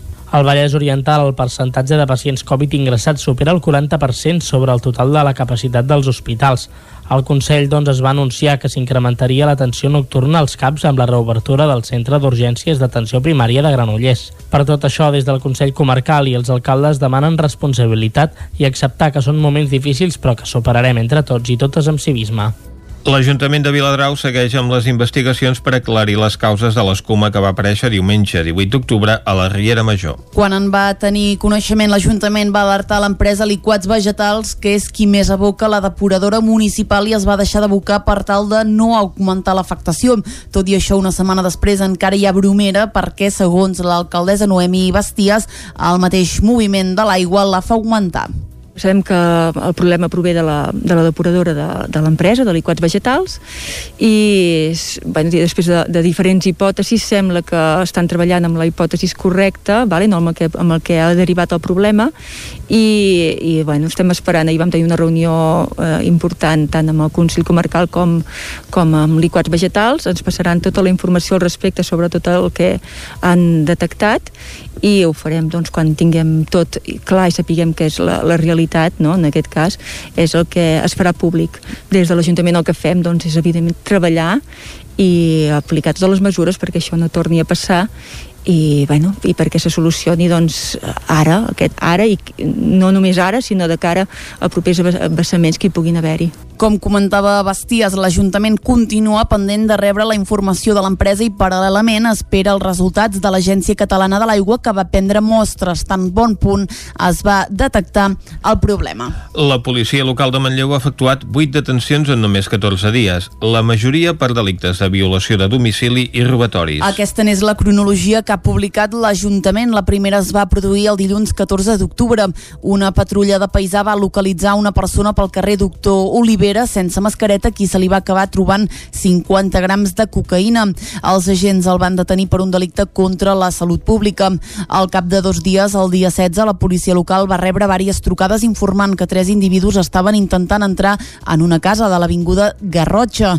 Tots tres van acabar sent detinguts per violació de domicili i robatori. El 17 d'octubre al carrer Cavalleria una trencadissa va despertar els veïns del carrer que van veure com un, uns individus trencaven el vidre d'un establiment comercial. Gràcies a les càmeres de la botiga, el 21 d'octubre la policia local va poder identificar un dels individus que va acabar sent detingut per un delicte de robatori amb força.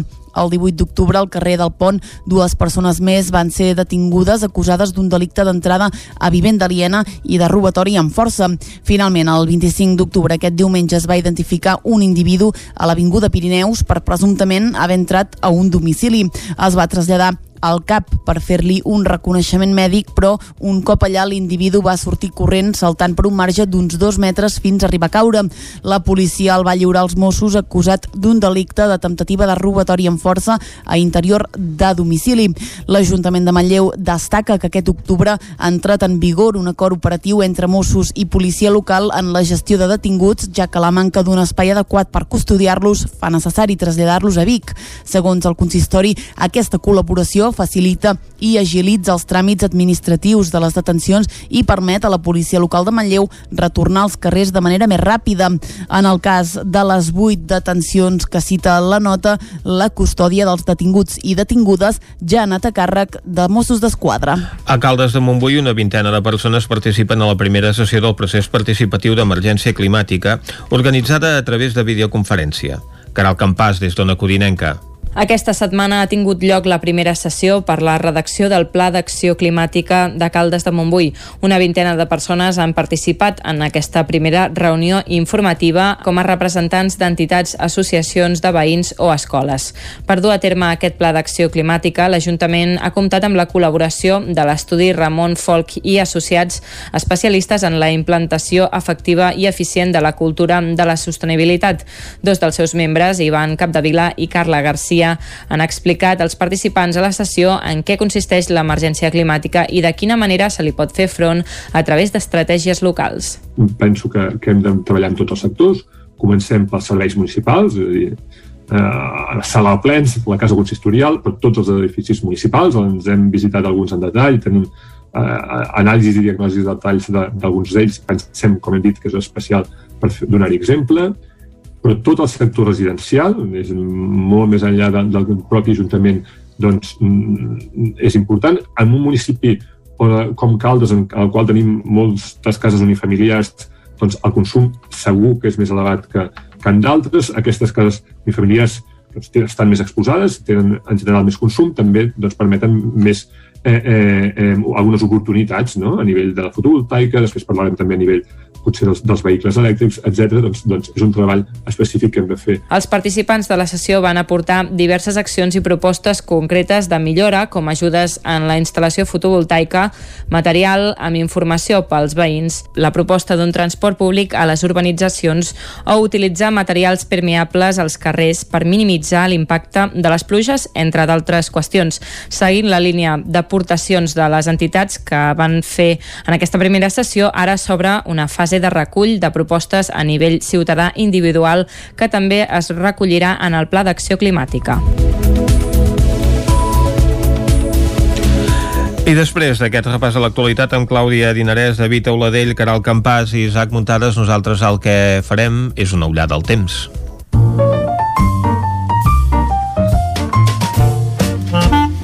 Casa Terradellos us ofereix el temps. S'acosta el cap de setmana i en Pep ja té clar que aquests dies hi haurà poques novetats, no, Pep? Bon dia. Hola, molt bon dia. Què tal esteu? Benvinguts a l'Espai del Temps. Benvinguts ja al cap de setmana, cap de setmana especial, cap mm -hmm, de setmana de tots sants. Tenim aquí sobre l'anticicló. Hi ha un anticicló molt potent que el tenim a sobre la península ibèrica i avui, demà i diumenge el temps serà clavat. No hi haurà mm, cap, cap diferència gairebé en aquests tres dies. Les mínimes són mica fredes, mm, són mica fredes, eh, les temperatures volten entre els 5 i els 10 graus, sobretot les fondalades, com sempre dic, es diposita l'aire fred en allà, però tampoc fa molt, molt, un ambient gèlid de bon tros, eh? Unes temperatures bastant normals per l'època de l'any, i on les temperatures són més altes serà de dia. Avui, respecte a ahir, pugen 2, 3, 4 graus. Les màximes entre 20 i 25 graus a la majoria de les poblacions. Molt, molt suaus. Matins de jaqueta, tant avui, demà com diumenge, però migdies de màniga curta, de màniga de camisa. Uh, unes temperatures més pròpies a principis d'octubre, de finals de setembre, que no pas d'aquestes dates a la que ens trobem. I això els tres dies és vàlid, eh? O sigui, els tres dies farà el mateix al mateix temps. Pel que fa al estat del cel, gairebé cap núvol, un cel preciós, un cel blau, i, com a molt, alguna pinzellada de, de, de núvols prims, que seran de tot insignificants, de tot inofensius, i que, òbviament, no deixaran cap precipitació. I a destacar, també, que la nit de, de la Castanyada, la nit de dissabte, uh -huh. diumenge, hi haurà lluna plena. És un fet que des del 1944 no es podia, per tant, 80 anys que no, no hi ha lluna plena per una castanyada, es pot observar perfectament. Ja són anys, ja. Molt maca al sortir, molt, molt fotogènica, i feu, feu des de, des de les vostres cases, ja que ens deixaran fer ja que no podem fer una, no, aquest virus no, no sé si fer una castanyada normal. Aprofiteu per mirar la lluna i per fer la castanyada sols o amb, amb les persones més pròximes a vosaltres. I res més, a disfrutar aquest cap de setmana i atenció, perquè sembla que la setmana que ve serà força més moguda. Cuidado amb les tempestes, baixada de temperatures i nevades. Però aquí ho deixo i ja anirem concretant la setmana que ve. De moment, aquesta setmana, molt de sol, a disfrutar-lo. Adeu. Adeu, Pep, i moltes gràcies. Anirem prenent nota d'aquestes previsions per la propera setmana. Casa Tarradellas us ha ofert aquest espai. Territori 17. Envia'ns les teves notes de veu per WhatsApp al 646 079 023. 646 079 023. WhatsApp Territori 17.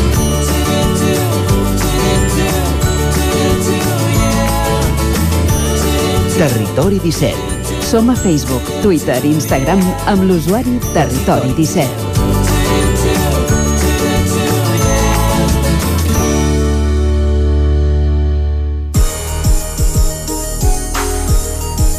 Al territori 17 anem ara cap a Viladrau, poble d'aigua, de bruixes i de castanyes. Aquests dies s'hauria d'haver celebrat la seva fira més reconeguda, la de la castanya, però no ha estat possible ja abans fins i tot de les últimes prohibicions. Parlem d'aquest poble que aquests dies està d'actualitat amb la seva alcaldessa, Noemi Basties. Bon dia, Noemi. Hola, molt bon dia a tothom. L'Ajuntament ja fa dies que va decidir que aquest any la Fira de la Castanya no se celebrava.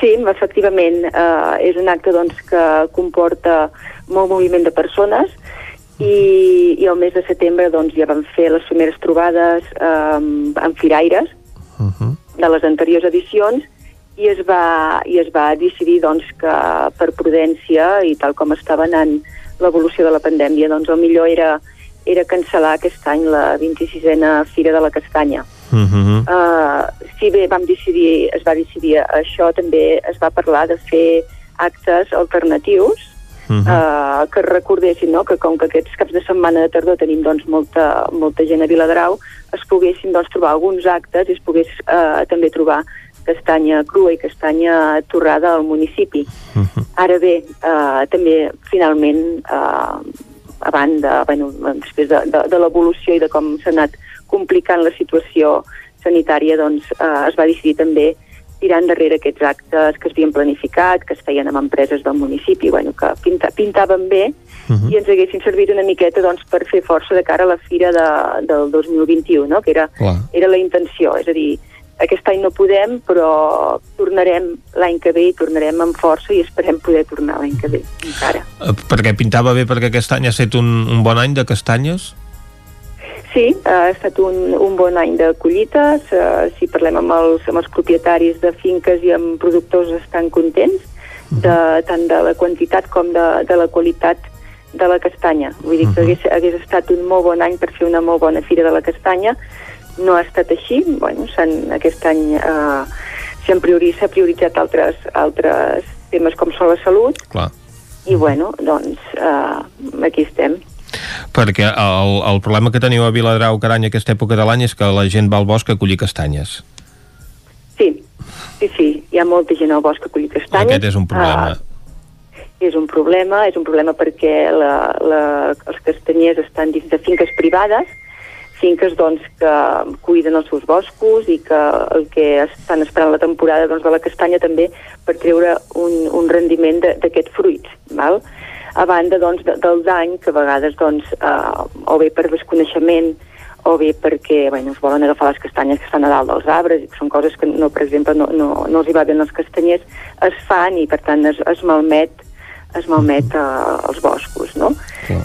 I, I sí, bueno, en línia amb aquest, amb aquest tema, el que ja vam fer també abans de, de començar encetar l'octubre és treballar mesures, treballar mesures per tal de, de, de poder coordinar-nos entre el que és Mossos, eh, vigilant municipal, els, els productors, eh, els caçadors fins i tot ens donen un cop de mà, uh -huh. també agents rurals, parc, no? entre tots doncs, fer una coordinació per tal de que aquest impacte sigui el mínim possible. Uh -huh. Ja sigui fent pedagogia per tal que la gent coneixi eh, què es pot venir a fer en els boscos i què no, perquè si tirem enrere, vull dir, tots hem vingut amb autocar a collir castanyes a Viladrau, no? Era un tema que, antigament era com, bueno, tot, les escoles venien a Viladrau a collir castanyes, uh, uh, venien autocars de, de gent gran a collir castanyes, i per tant era un tema que, que ha anat evolucionant, que ha anat canviant, no? I que ara, doncs, sàpiga doncs, que això porta, porta,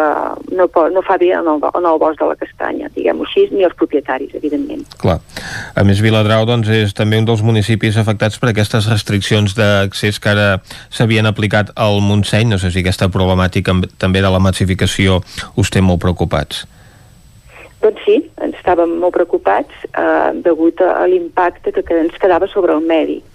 Uh, què ens trobàvem? Doncs que arribava cap de setmana, la massificació era brutal, no? Llavors, uh, ens, el dilluns semblava, doncs, no ho sembla encara, eh, una miqueta, perquè és una cosa que hem d'anar treballant, que eh, es queden els boscos bruts, eh, han, han entrat a dins de finques privades, i llavors doncs, els camps de pastura també estan aixafats, hi ha una sèrie d'inconvenients que s'havia de posar solució, vull dir, estàvem molt preocupats, teníem queixes de veïns, i a més a més el- l'incivisme, no? L'incivisme, trobes mascaretes, veus eh, per tot arreu, veus mm, a les cunetes trobes llaunes, veus llaunes, és que eh, la brutícia és important que, que es genera, i a banda, doncs, també una mica aquests, eh, aquests, aquesta, aquesta tardor, una mica incoherent, no?, el fet que tinguéssim, estiguin els restaurants, estiguin els bars fent l'esforç eh, de tenir tancat, no?, de no poder atendre,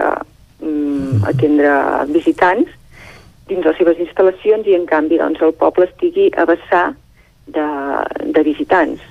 Sempre tenint en compte que nosaltres som un poble turístic i que volem continuar sent un poble turístic, però evidentment s'ha de trobar aquest equilibri i, i, bueno, i, i s'ha de fer de forma, de forma coherent no? ordenada. Uh -huh.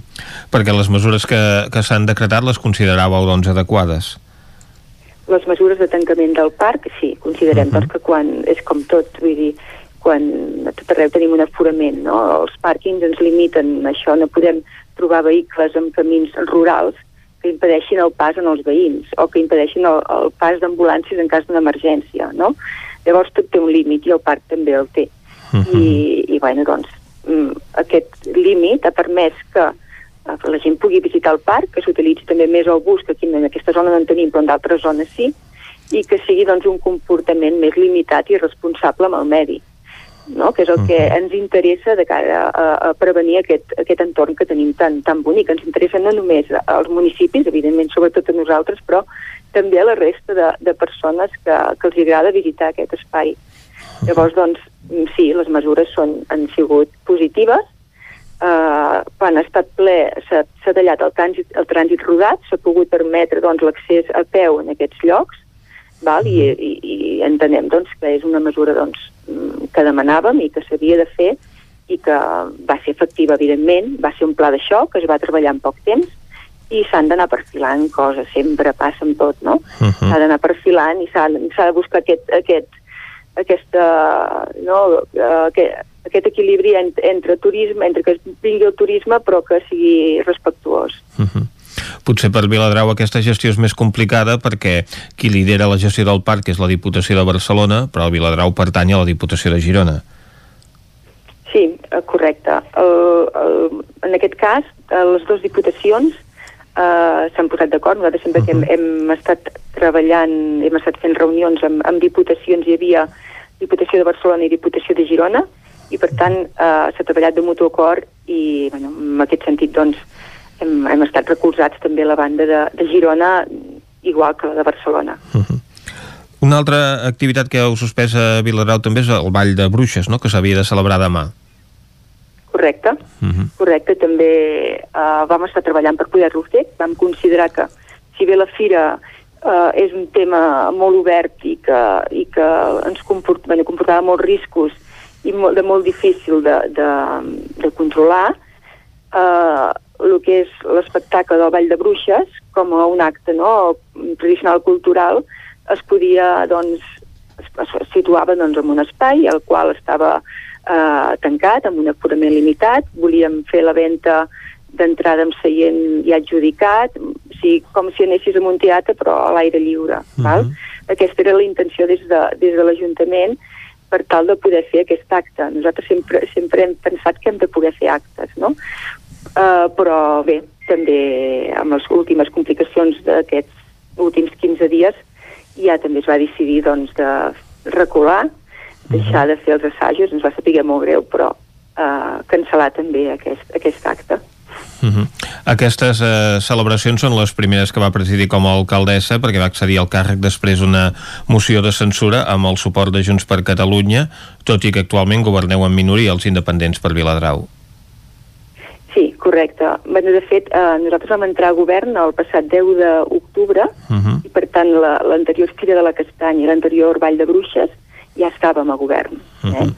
Uh, per tant, no, eren, en aquest cas eren el, se- era el segon any que estàvem al càrrec uh, després de la, de la moció de censura que hi va haver-hi. Uh -huh.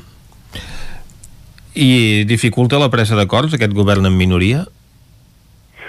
No, no dificulta, no dificulta la presa d'acords, ja que si bé sí que és cert que el, el, el regidor de, de Junts, que ens va donar suport amb, amb el tema de la moció, o que, amb qui van presentar la moció de censura, uh -huh. doncs tot i no estar dins l'equip de govern, ell eh, està treballant amb nosaltres i, i, i el dia a dia, diguéssim, podem comptar sempre amb ell i les decisions que es prenen sempre ell n'és conscient, vull dir que no, no és un govern, eh, sí que podem dir que és un govern en minoria, però tenim un suport de, de majoria. Uh -huh.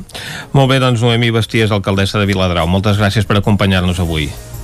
Moltes gràcies a vosaltres. Fem una pausa Adéu, i tornem tot seguit. El nou FM, la ràdio de casa, al 92.8. Tens por de l'ordinador? Vine al Magí. Amb les nostres píndoles digitals aprendràs la diferència entre internet i el núvol, com utilitzar el mòbil i les apps, i si ets professor dominaràs el Classroom. Sessions totalment pràctiques, fàcils i interactives.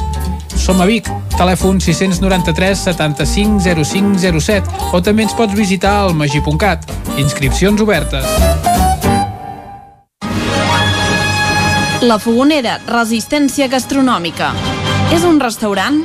És un rostidor? És La Fogonera, la cuina en directe des de GURB, on encarregues, ho vens a buscar i ara també t'ho portem a casa. La Fogonera, resistència gastronòmica. Ara, amb la fogonera de dia, amb aperitius, arrossos, segons plats i postres. I quan cau la nit, ens transformem en un popurri culinari. Búrguers, pizza, pasta... Truca al 93 851 55 75 o entra a lafogonera.cat. La Fogonera, el teu aliat gastronòmic. Anuncia't al 9FM. La màquina de casa. 9 3 8 8 9 4 9 4 9. Publicitat arroba al 9FM.cat. Anuncia't al 9FM. La publicitat més eficaç. Cobertes serveis funeraris. Els nostres tanatoris estan ubicats en els nuclis urbans més poblats de la comarca d'Osona per oferir un millor servei. Tanatori de Vic, Tanatori de Manlleu, Tanatori de Centelles i Tanatori de Roda de Ter. Sabem que són moments difícils i per això el nostre compromís és atendre-us en tot moment amb un tracte humà, sensible i respectuós. Cobertes serveis funeraris. Telèfon 24 hores 93 883 23 46.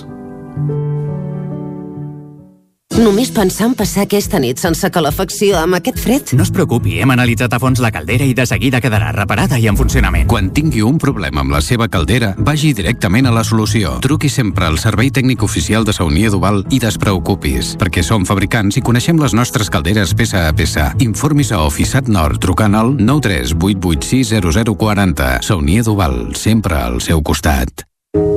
Cada territori té un atractiu o més d'un. El fruit, el paisatge, la seva gent, les pedres... Camins de l'Eix. Descobrint el capital de terra endins. Camins de l'Eix, dissabte a les 9 del vespre al 9 TV. Aquesta setmana, al Lluçanès, amb el suport de la Generalitat de Catalunya. 7 milions i mig de futurs. El 9 FM, el 9 FM, el 9 FM, el 9 FM. Territori 17.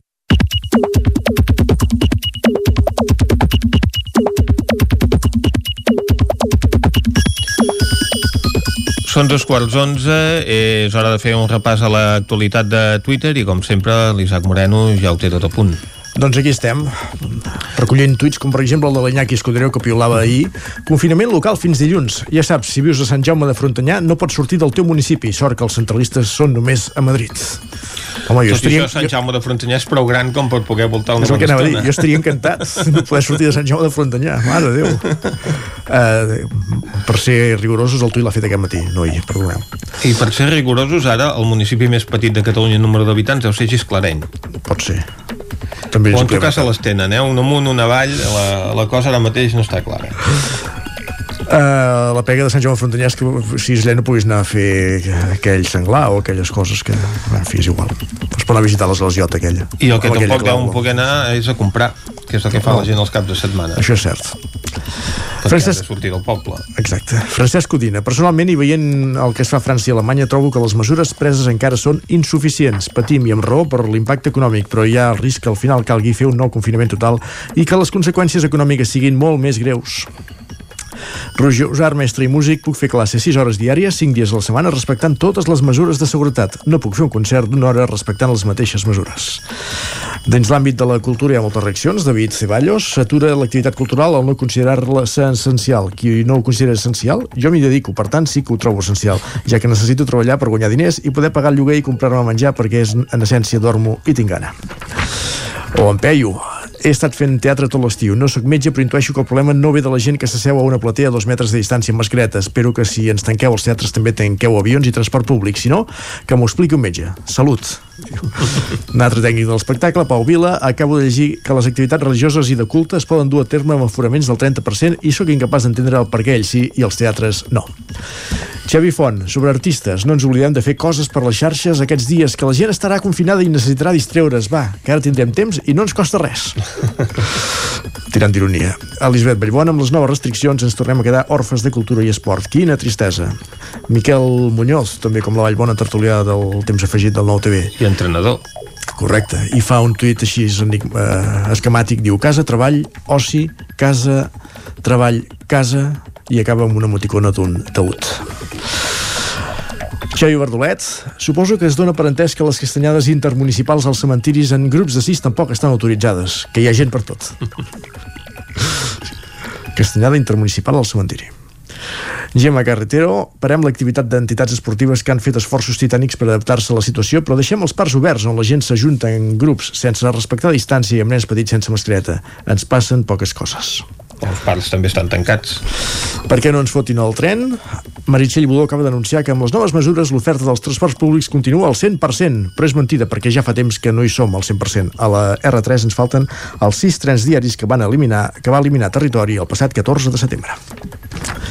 Josep Lluís Garcia, paper de vàter, cigrons, macarrons, farina, llibres, música etiqueta fent llista. I Eudal Sallarès, sortint d'aquesta dinàmica, diu Avui és Sant Narcís, ho deia ahir, uh -huh. festa grossa la meva estimada segona llar, Girona, la nostàlgia dels anys viscuts a la capital gironina sempre em roba un somriure. Efectivament, com predicava el mestre Ricard Vilarassau, Girona m'enamora. Doncs encara van ser a temps d'organitzar alguns d'aquests actes eh, festius amb motiu de la Festa Major de Girona, però ara mateix això ja és impossible.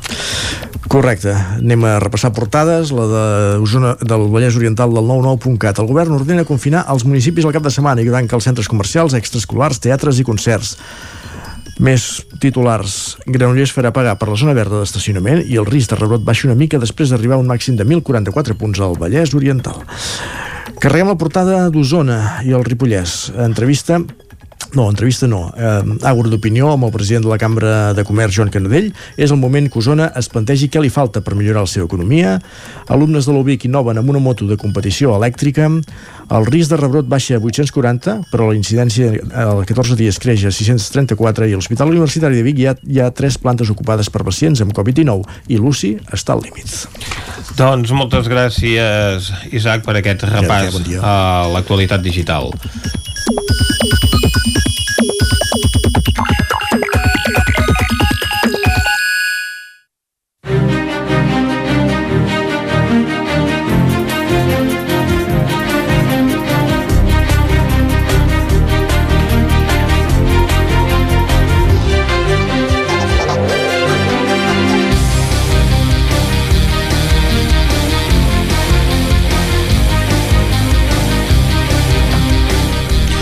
Doncs ara és hora de la taula de redacció al Territori 17 i avui en aquesta taula de redacció ens acompanyen en Guillem Rico i la Txell Vilamala.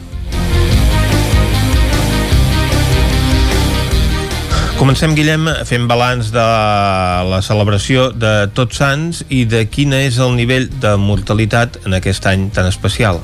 Sí, bon dia. Doncs és un, mar un Tots Sants marcat per la, pel coronavirus, eh, un fet que fa que hi hagi, eh, amb les dades que ens feien arribar des de les funeràries d'Osona, en aquest cas, eh, ens deien que això, que en el global de la comarca, les quatre funeràries que, que hi operen, eh, les dades ens deien que una de cada cinc defuncions d'Osona d'aquest any han estat eh, pel coronavirus. Eh, tot i així s'ha de tenir en compte que hi poden haver dades, de, sobretot del març, o dels primers dies de la pandèmia en què no es feien proves a tothom i per tant algunes de les defuncions que la gran majoria el nombre més elevat de defuncions va ser durant el mes d'abril i també al març, algunes potser no se'ls va fer la prova i per tant no, no consten com a morts per coronavirus però podrien estar-hi directament relacionades. Per tant, uh, un, de, un de cada 5 Un de cada de cada cinc. 5 defuncions, un 20% Sí. de les defuncions aquest any eren de gent diagnosticada amb Sí, seria un 21,9 una mica més, entre uh -huh. 4 i 5 persones. Eh? Per exemple, en, hi ha alguns punts de la comarca com és eh, on hi ha eh, eh, els municipis de la Mancomunitat eh, de la Mancomunitat La Plana, diguem, zona sud, més o menys, i també la part nord, que seria la Vall del Gès, el Berguedà, ai, el Berguedà, el Vall del Gès, el Bisaure, estem espessos, la Vall del Gès, el Bisaure i, i el Voltreganès, eh, on hi ha la funerària Xicoi, eh, allà el percentatge seria més alt, seria el 25%, per tant, un de cada quatre. Mhm. Um, això són les dades que ens deien. En el cas del Ripollès no ens van passar dades, però sí que ens deien que, que l'àltima que gestiona la funerària, diguem, ens deia que les dades serien similars en el mateix període del 2019, també tenint en compte que el Ripollès la pandèmia no, no, hi, ha, no ha afectat no hi ha afectat tant i per tant les dades serien serien similars. Um, tots Sants arriba amb, un any, amb aquest any marcat per la Covid-19, amb un augment de, de morts respecte a l'any anterior també de, del 21,9%, és una dada uh, en percentatges que és la mateixa uh, que si tenim en compte el, el, aquest augment per coronavirus eh, co coincidiria.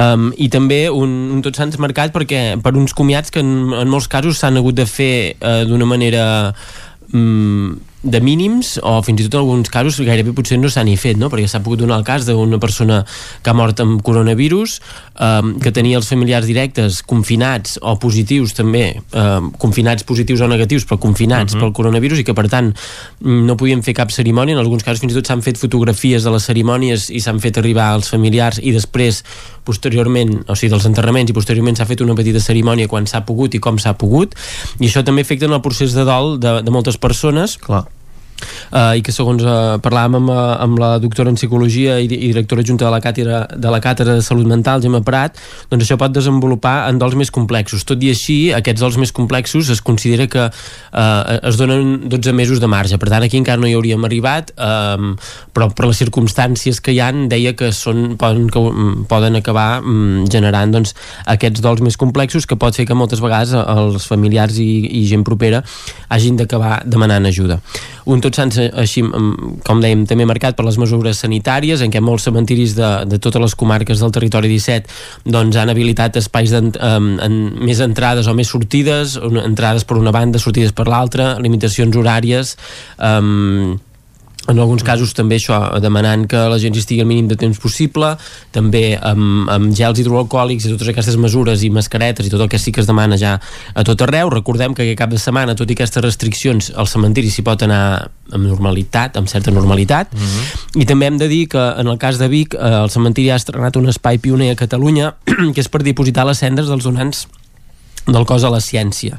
Es tracta d'una proposta que van fer des de la Universitat de Vic, des de la Facultat de Medicina, ja que eh, les persones que són donants, que des del 2018 es poden donar, fer donar, donar el cos a la ciència a la Universitat de Vic, hi han hagut 360 donants, d'aquests 22 diguem que ja han mort i per tant ja han anat a parar a la universitat, i un cop han anat a parar a la universitat, els cossos són, són de la universitat, per dir-ho així. El vincle amb la família es trenca i el que no volien era això, no? Uh, un cop ja s'han utilitzat, doncs es- s'incineren i el que s'ha habilitat és aquest espai per recordar-los i hi ha com un dipòsit de cendres perquè aquestes cendres es puguin traslladar en aquest lloc i també els familiars, ells se'ls doni una sepultura, per dir-ho d'una manera digna Mhm. i els familiars tinguin un, un punt físic on anar a, passar el seu dol, anar-lo eh, bé, per saber allò de dir, és aquí, no?, el meu Mhm. familiar és com una font amb una pedra, ho van presentar ahir en, uh, està ubicat en aquests jardins Marie Curie del cementiri de Vic i és, un, és pioner a, a, a Catalunya. De fet aquests primers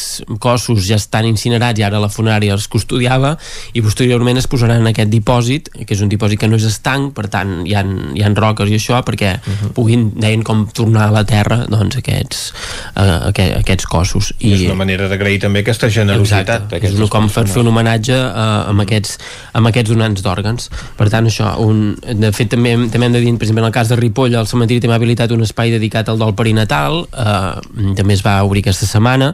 Eh, són altres maneres de retre homenatge a difunts, eh, que en alguns casos potser no, no, tenen el, no tenien el lloc que se'ls mereixia no? per exemple, aquest espai per dol, de dol perinatal al cementiri de Vic també n'hi ha un a Torelló es va fer un espai en aquest cas sota el santuari de Roca Prevera que no és, no és el cementiri però, uh -huh. però també doncs mica en mica a Sant Joan també reclamaven tenir espais d'aquest tipus per tant mica en mica doncs també es va donant cabuda amb, amb, amb altres amb altres tipus d'espais de, de, per retre homenatge doncs, les persones que, que ens han deixat. Mm -hmm. Molt bé, gràcies eh, doncs, Guillem per aquest repàs a la celebració de Tots Sants i ara nosaltres canviem de temàtica, anem a Manlleu perquè a Manlleu doncs, una de les problemàtiques que té és que ha de definir quin és el model de recollida d'escombraries que vol perquè ara mateix doncs, ha de canviar els contenidors que té i ha d'acabar de definir quin model s'acaba aplicant i si aquest model és el porta a porta.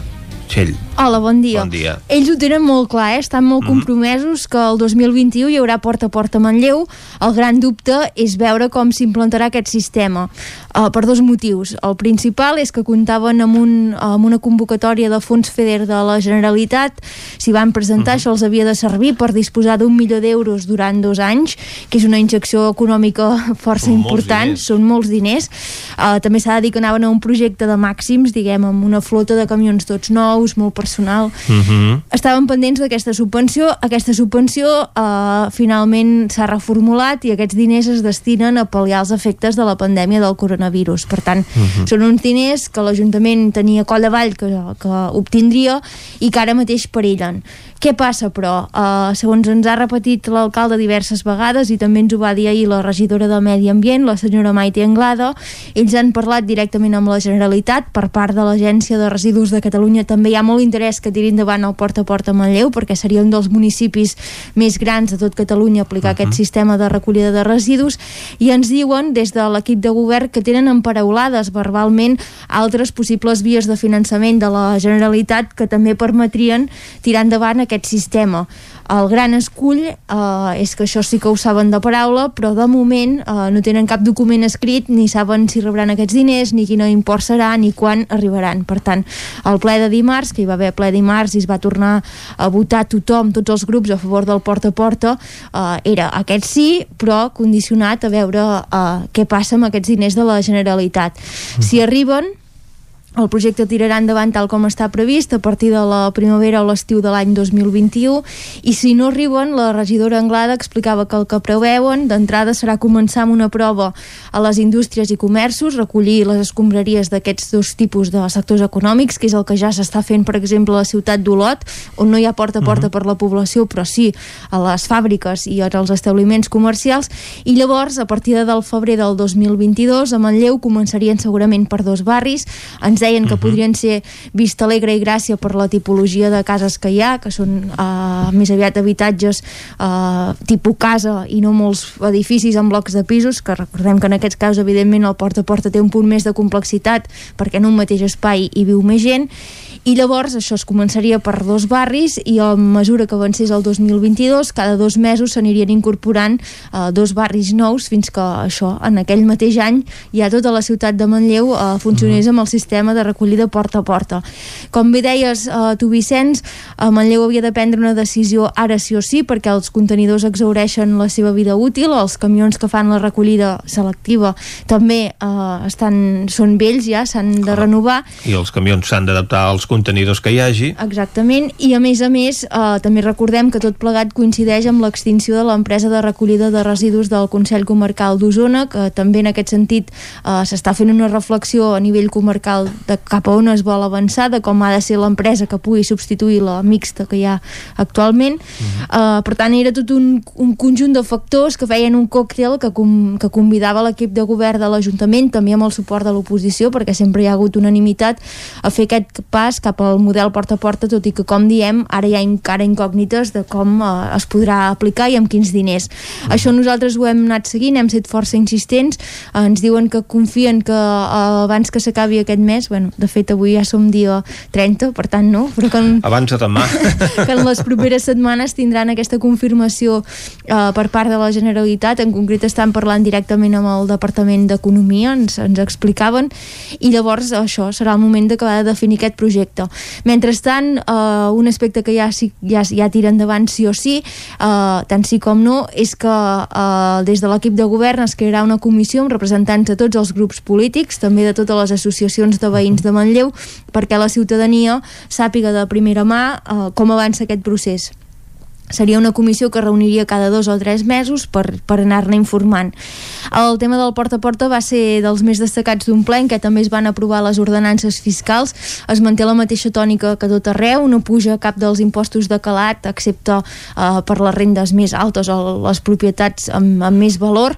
Uh, L'IBI no es toca, es manté el, el mateix tipus impositiu eh, tampoc es, es toca l'impost dels vehicles de tracció mecànica i per contra veiem que també a Manlleu, com ha fet la ciutat de Vic o Torelló, eh, s'aproven aquestes exempcions per les terrasses, els bars i restaurants no hauran de pagar la taxa corresponent a les terrasses per l'ocupació de la via pública. Durant l'any 2021. durant l'any 2021, tot l'any, i a més a més a Manlleu també s'han aprovat eh, bonificacions que el que intenten és eh, facilitar la contractació de personal a les empreses i també que si un negoci vol obrir de nou a la ciutat doncs hi hagi determinats impostos que no els hagi de pagar o que n'hagi de pagar una part molt petita. Uh -huh. Així mateix també destaquen de les ordenances que es torna a renovar el compromís per implantar l'energia solar fotovoltaica a Manlleu, sobretot les instal·lacions d'autoconsum que també tenen bonificacions de l'IBI molt altes i de l'impost per fer les obres i també aquest compromís d'anar renovant el parc d'habitatge amb facilitats també a l'hora de pagar els recàrrecs que s'atribueixen en aquest cas als vehicles elèctrics i híbrids que tenen molt, molt descomptes en aquestes taxes que s'han de pagar. Després del ple també dos aspectes interessants uh, un tema que hem anat seguint recurrentment de Manlleu ja des de fa molts anys és l'enderroc dels pisos de Can Garcia Exacte. el primer bloc ja fa força temps que és a terra el segon ho hauria de, hi hauria de ser des de l'any 2016 però aquest procés s'ha anat retardant perquè uh, tot i que certament no hi havia molts pisos ocupats parlem uh, d'un edifici amb 120 pisos i fa ex- escassament un any i mig n'hi havia 30 d'ocupats uh, les negociacions per reallotjar totes aquestes persones han sigut més complicades i llargues del que es preveia inicialment i això ha fet uh, que passés molt temps fins tenir-lo com, a, com està ara ja que només van explicar al ple i viu una sola persona Una a dir, sola, tot- una sola persona, no una sola, família. persona. així és com ho van dir el, Una sola persona viu amb el bloc que queda de Can Garcia. Així és com ho van explicar al, al ple. Nosaltres encara no hem fet el treball de, de camp d'anar-ho a comprovar, però almenys Mhm. el ple sí que es va explicar així i per tant eh, deia l'alcalde, que és qui ha portat aquest tema personalment, que quan aquesta persona sigui fora de l'edifici les obres començaran immediatament, ja que l'Incasol, que és qui, a qui correspon la propietat d'aquest immoble, ja té l'empresa adjudicatària eh, no de fa mesos, sinó de fa bastant, Mhm. perquè com dèiem des del 2016 estan pendents de portar-se a terme i que començaran immediatament eh, bueno, per enderrocar el que al final ha estat una icona de Manlleu, també de la Exacte. febre tèxtil que va viure als anys 60 i que sí que és veritat que amb el pas de les dècades s'ha anat degradant amb unes condicions eh, bé, que ara plantegen dificultats per la, per la gent que viu, en aquest cas aquesta persona. Sobre el cas concret eh, d'aquest veí o, o veïna, van explicar que és algú que ha demanat marxar de Manlleu, que està pendent que se li concedeixi un habitatge per via d'emergència en un altre municipi i que tan aviat com es resolgui la seva situació, eh, llavors doncs, procediran a fer aquestes obres.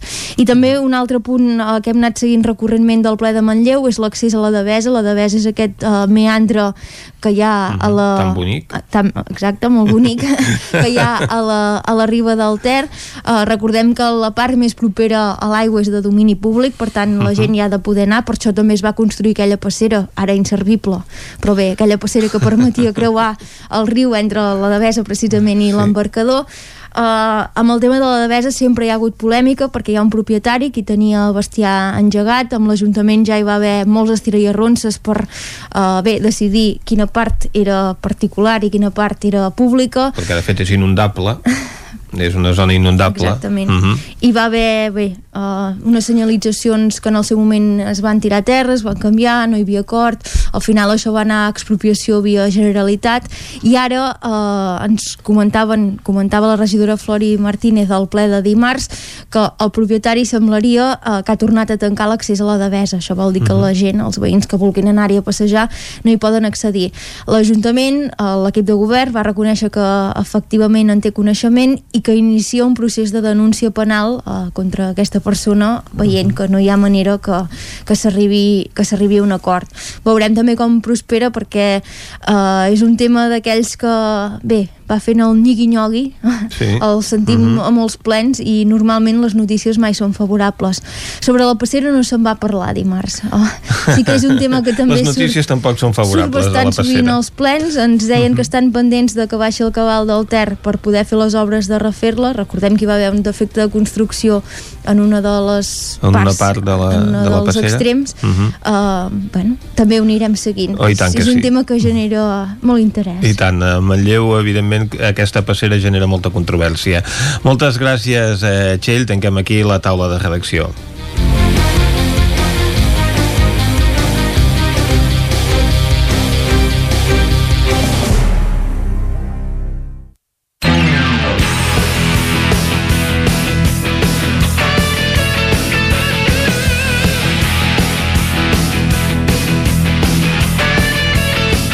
Arriba l'hora de parlar d'esports al territori 17, de parlar dels pocs esports que es poden disputar ara mateix perquè es va prorrogant aquesta aturada de les competicions catalanes, ara no només de les competicions, també dels entrenaments i per tant eh, els equips doncs, que entren en una situació una mica caòtica perquè ara mateix es van acumulant els partits pendents de, de disputar. Evidentment molts clubs també es troben en una situació econòmica doncs, molt complicada per tots aquests impediments de manera que l'actualitat esportiva doncs, eh, està així una mica entrebancada. Però bé, alguna cosa es juga i és el que ara anem a repassar i ho fem començant des de Ràdio Cardedeu amb l'Òscar Muñoz. Òscar, bon dia. Bon dia. Sí, alguna coseta sí que es juga. Exacte. Tenim a Sobal. Ah, aquí està. El, sí, el Club Balomar Granollers haurà de disputar els pròxims partits de, al Palau d'Esports sense públic i tan sols amb el personal imprescindible per la celebració del partit. No? Després de la remuntada espectacular del Franking a Benidorm dimecres passat, amb aturada a l'últim moment, que van quedar 32 a 33, aquest diumenge jugaran al Palau, com hem dit, a porta tancada, amb el Bada Huesca. El partit serà dos quarts d'una i serà diumenge. Uh -huh. Molt bé, doncs aquesta és tota l'activitat esportiva que hi haurà a la capital del eh, Vallès eh, Oriental. Moltes gràcies, Òscar. De res. Al Vallès Oriental, però també hi ha algun altre equip que juga i d'això ens en parla ara tot seguit la Caral Campàs des d'Ona Codinenca. Bon dia, Caralt. Hola, bon dia. Sí, en principi tenim tres partits d'hoquei. Uh -huh. um, a la plata sud masculina tenim el Sant Feliu, que té previst aprofitar la jornada de descans d'aquest cap de setmana per jugar el maig que tenia pendent contra l'Alcobendes. Uh, serà dissabte a les 5 de la tarda. Recordem que el Sant Feliu només ha pogut jugar un dels tres partits des de que uh -huh. ha començat la Lliga. Uh, aquest, recuperen ara aquest, uh, que era el primer, uh, contra l'Alcobendes, uh, dissabte a les 5 de la tarda, i en principi l'altre que tenien ajornat es jugarà el 14 de novembre contra les Rozas. Eh, i que comentar també que es podrà seguir en streaming i per FM amb Mona Codinenca aquest partit de, de dissabte eh, en streaming a través del canal de YouTube youtube.com ah, perdó, youtube.onacodinenca.cat Mhm. i després tenim el Vigas a Vigas i Riells femení que ha de jugar a casa aquest diumenge contra el Vilanova a les 6 de la tarda a porta tancada però està pendent dels resultats de les proves PCR del conjunt vilanoví per saber fi, si finalment el maig es disputarà a hores d'ara sí, però ja veurem potser dilluns us dic que, que no han Que no jugat han jugat. Ah, Exacte.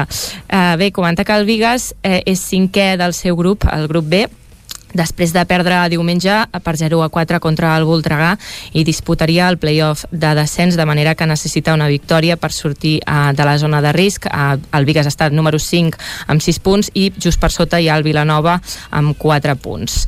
Uh -huh. i després tenim el Caldes el Rec amb les Arcaldes uh, que està cinquè a l'Hockey Lliga amb 7 punts que rep aquest diumenge porta tancada l'Igualada a les 7 de la tarda. Eh, i bé, el conjunt arlequinat afronta el maig motivat per deixar enrere la derrota del Lleida, que van perdre per 3-2 el cap de setmana passat i és qui els precedeix a la classificació el número 4 amb 10 punts. Mm, D'acord, doncs eh, gràcies Caral A per vosaltres. aquest repàs a l'actualitat esportiva i celebrem que una codinenca i que els mitjans locals doncs, en aquesta situació que estem vivint facin l'esforç a poder retransmetre aquells partits que el públic i els seus seguidors doncs, no poden presenciar des dels estadis. Anem ara a la veu de Sant Joan, Isaac Muntades, bon dia. Bon dia, Vicenç. Quina és la Uh, situació esportiva al Ripollès? La situació esportiva al Ripollès pràcticament tendeix a, a zero perquè com no tenim uh, activitats esportives i a més a més una altra mala notícia uh. -huh. uh, en el fet que s'ha confirmat doncs evidentment la suspensió de la mitja marató de Ripoll que està prevista pel, pel dia 15 de novembre uh, realment pràcticament uh, si si no recordo malament encara entra dins de les mesures d'aquestes dues setmanes aquell dia però tot indica que uh, de totes maneres tampoc es podria celebrar per tant s'ha de suspendre uh, automàticament i Una aquesta prova ja històrica. Sí, sí, una prova històrica, a més a més. Mhm, Molts anys Sí, sí. Per tant, passaria ja a l'any que ve i de fet era una prova que, segons els seus organitzadors, tenien la intenció de fer-la presencial doncs, amb els típics recorreguts, no? la mitja marató de 21 quilòmetres, la cursa de 10 i, i la de 5, que s'havien introduït doncs, eh, en els darrers anys i que aquest any doncs, no, no la podrem celebrar perquè doncs, eh, per les restriccions d'última hora doncs, que, que s'han de fer eh, per, per contenir la pandèmia. Mhm. Doncs bé, els equips, com deien, que van acumulant partits endarrerits, veurem eh, quan és el moment que es pugui desencallar tot això. Gràcies, Isaac. A vosaltres. I com que a Osona doncs, també hi ha equips a l'Hockey Lliga, també hi haurà un mínim d'activitat esportiva, tant amb hoquei patins com en futbol també, no, Arnau Jaumira? Doncs sí, sí, la veritat és que hi haurà alguns enfrontaments eh, en concret dos de, de futbol. Comencem si no, parlant d'aquests que en aquest cas destaca doncs, el, el Vic Riu Primer que juga a la, a la primera nacional femenina i que doncs, és un dels únics equips que ha anat eh, competint durant aquestes eh, setmanes prèvies i que a més a més va, va líder de- de- d'aquest grup eh, són líders del grup 3 empatada amb 6 punts empatades amb el Son Sardina i, i l'Igualada i reben la visita del, del Pardinyes de, de Lleida uh -huh. eh, amb, la, amb, això, no? amb, la, amb la casualitat de que pel, pel Pardinyes sí que és el primer partit perquè la primera jornada els tocava descansar i a la segona havien tingut un positiu i estaven confinades. Per tant, el Vic eh, arribarà amb molt més bon estat de forma, perquè havia de jugar eh, dos partits ja, i jugarà el tercer, i en canvi el Pardinyes doncs, eh, segurament eh, arribarà una mica mancat de, de ritme, i és el que volen aprofitar la, les jugadores que entrena José Antonio Ruiz, no? doncs aprofitar aquesta, el factor camp, evidentment, perquè juga eh, al municipal de, de Vic, però també doncs, eh, aquest, aquesta falta de ritme del conjunt de lleidatà. Mm, el que passa que el factor camp, doncs, jugant sense públic, la veritat és que Sí. serveix a ben poca cosa. Les Només dimensions, les dimensions del terreny, Ten- però ten- poc Tens, has pres les mides, efectivament, al teu terreny de joc i saps on hi ha els bons i on hi deixen Sí. d'haver, no? Sí, sí, suposo que és, és això, també la, de vegades camps que són més llargs, no? per, tant, per jugar molt més pilotes a l'espai que d'altres camps no es pot fer tant, no? Doncs, Exacte. Eh, en aquest cas el de, el de Vic eh, em sembla que és bastant de, Dona dels grans. molt de sí. Sí. Eh, un altre, de, de futbol només hi ha un altre partit de la Lliga Juvenil, de la Lliga Nacional, que és el Badalona-Manlleu, i ara sí anem cap a l'Hockey Lliga que és on sí que hi ha eh, més partits eh, en el cas eh, usonenc. A la, en el cas de la masculina dels tres que s'haurien de jugar se'n jugaran dos perquè el Voltregà recordem que segueix en quarantena, va haver un positiu a la plantilla eh, a finals de la, de la setmana passada per tant ja no van jugar el partit el cap de setmana passat i encara segueixen en quarantena Un nou positiu. Sí, el, el segon de la, de la temporada i per tant doncs, aquest, aquest cap de setmana ha hagut d'ajornar un altre cop el partit al, al Voltregà eh, qui sí que, que jugarà, jugarà jugarà el Taradell i el, i el Club Pativic eh? aquests Mhm. dos sí que, que jugaran un... bé, el, el Pativic segurament amb més amb més urgències perquè de moment doncs, no ha aconseguit eh, puntuar encara, està al pou de la, de la classificació i la veritat és que no li estan acabant de sortir les, les, les coses bé eh, veurem a veure si és, si és capaç de, de, doncs de, de, de guanyar en un partit importantíssim perquè es juga contra el Lloret que és l'avantpenúltim, que només té un punt. Uh -huh. eh, per tant, bé, doncs és un, una ocasió en què el Vic ha d'aprofitar ha de guanyar i a veure si pot això ajudar-lo a tirar, a tirar cap amunt. Fem un repàs ràpid també al Tardell que jugarà a la pista del, del Calafell que també és un rival directe a la, a la, a la part baixa el Taradell és 12 amb 4 punts i els del Penedès són 13 amb, amb 3 per tant la cosa també està molt ajustada van un rere l'altre i per tant doncs, eh, dos duels interessants dos duels directes en el que és l'Hockey Lliga masculina. I acabem amb l'Hockey Lliga femenina perquè el Manlleu Màgic Studio que actualment és el, el, el líder de... Bueno, és, és, sí, eh, són líders de la classificació i juguen contra el segon, per tant eh, contra el Cerdanyola.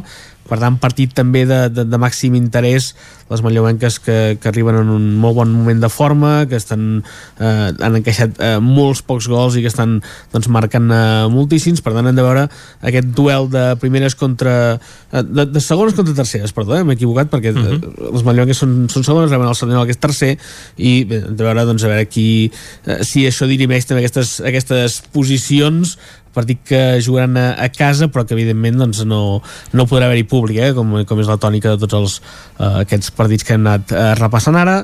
I acabem parlant del Voltregà que també juga a, a casa el Voltregà femení contra el Palau de Plegamans partit també eh, interessant. El Palau de Plegamans eh, que és líder del, del grup B, el líder del, del Voltregà. Recordem que aquest any l'Hockey Lliga Femenina està dividida en dos grups i doncs el Voltregà s'enfronta, és tercer d'aquest grup amb 4 punts menys i un partit també per disputar. Per tant, bé, eh, oportunitat del Voltregà per intentar doncs, de, de puntuar contra un equip que, que està més endavant i per tant retallar diferències. Veurem si és, si és capaç. O sigui que ara mateix no hi haurà derbi usonenc a l'hoquei femení. No, ara aquesta primera volta no, no, pot, no, no pot haver-n'hi. Molt bé, doncs gràcies Arnau i tanquem aquí el resum de l'actualitat esportiva de cara al cap de setmana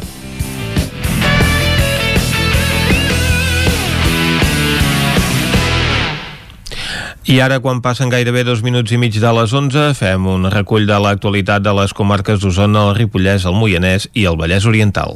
Territori 17, amb Vicenç Vigues i Jordi Sunyer.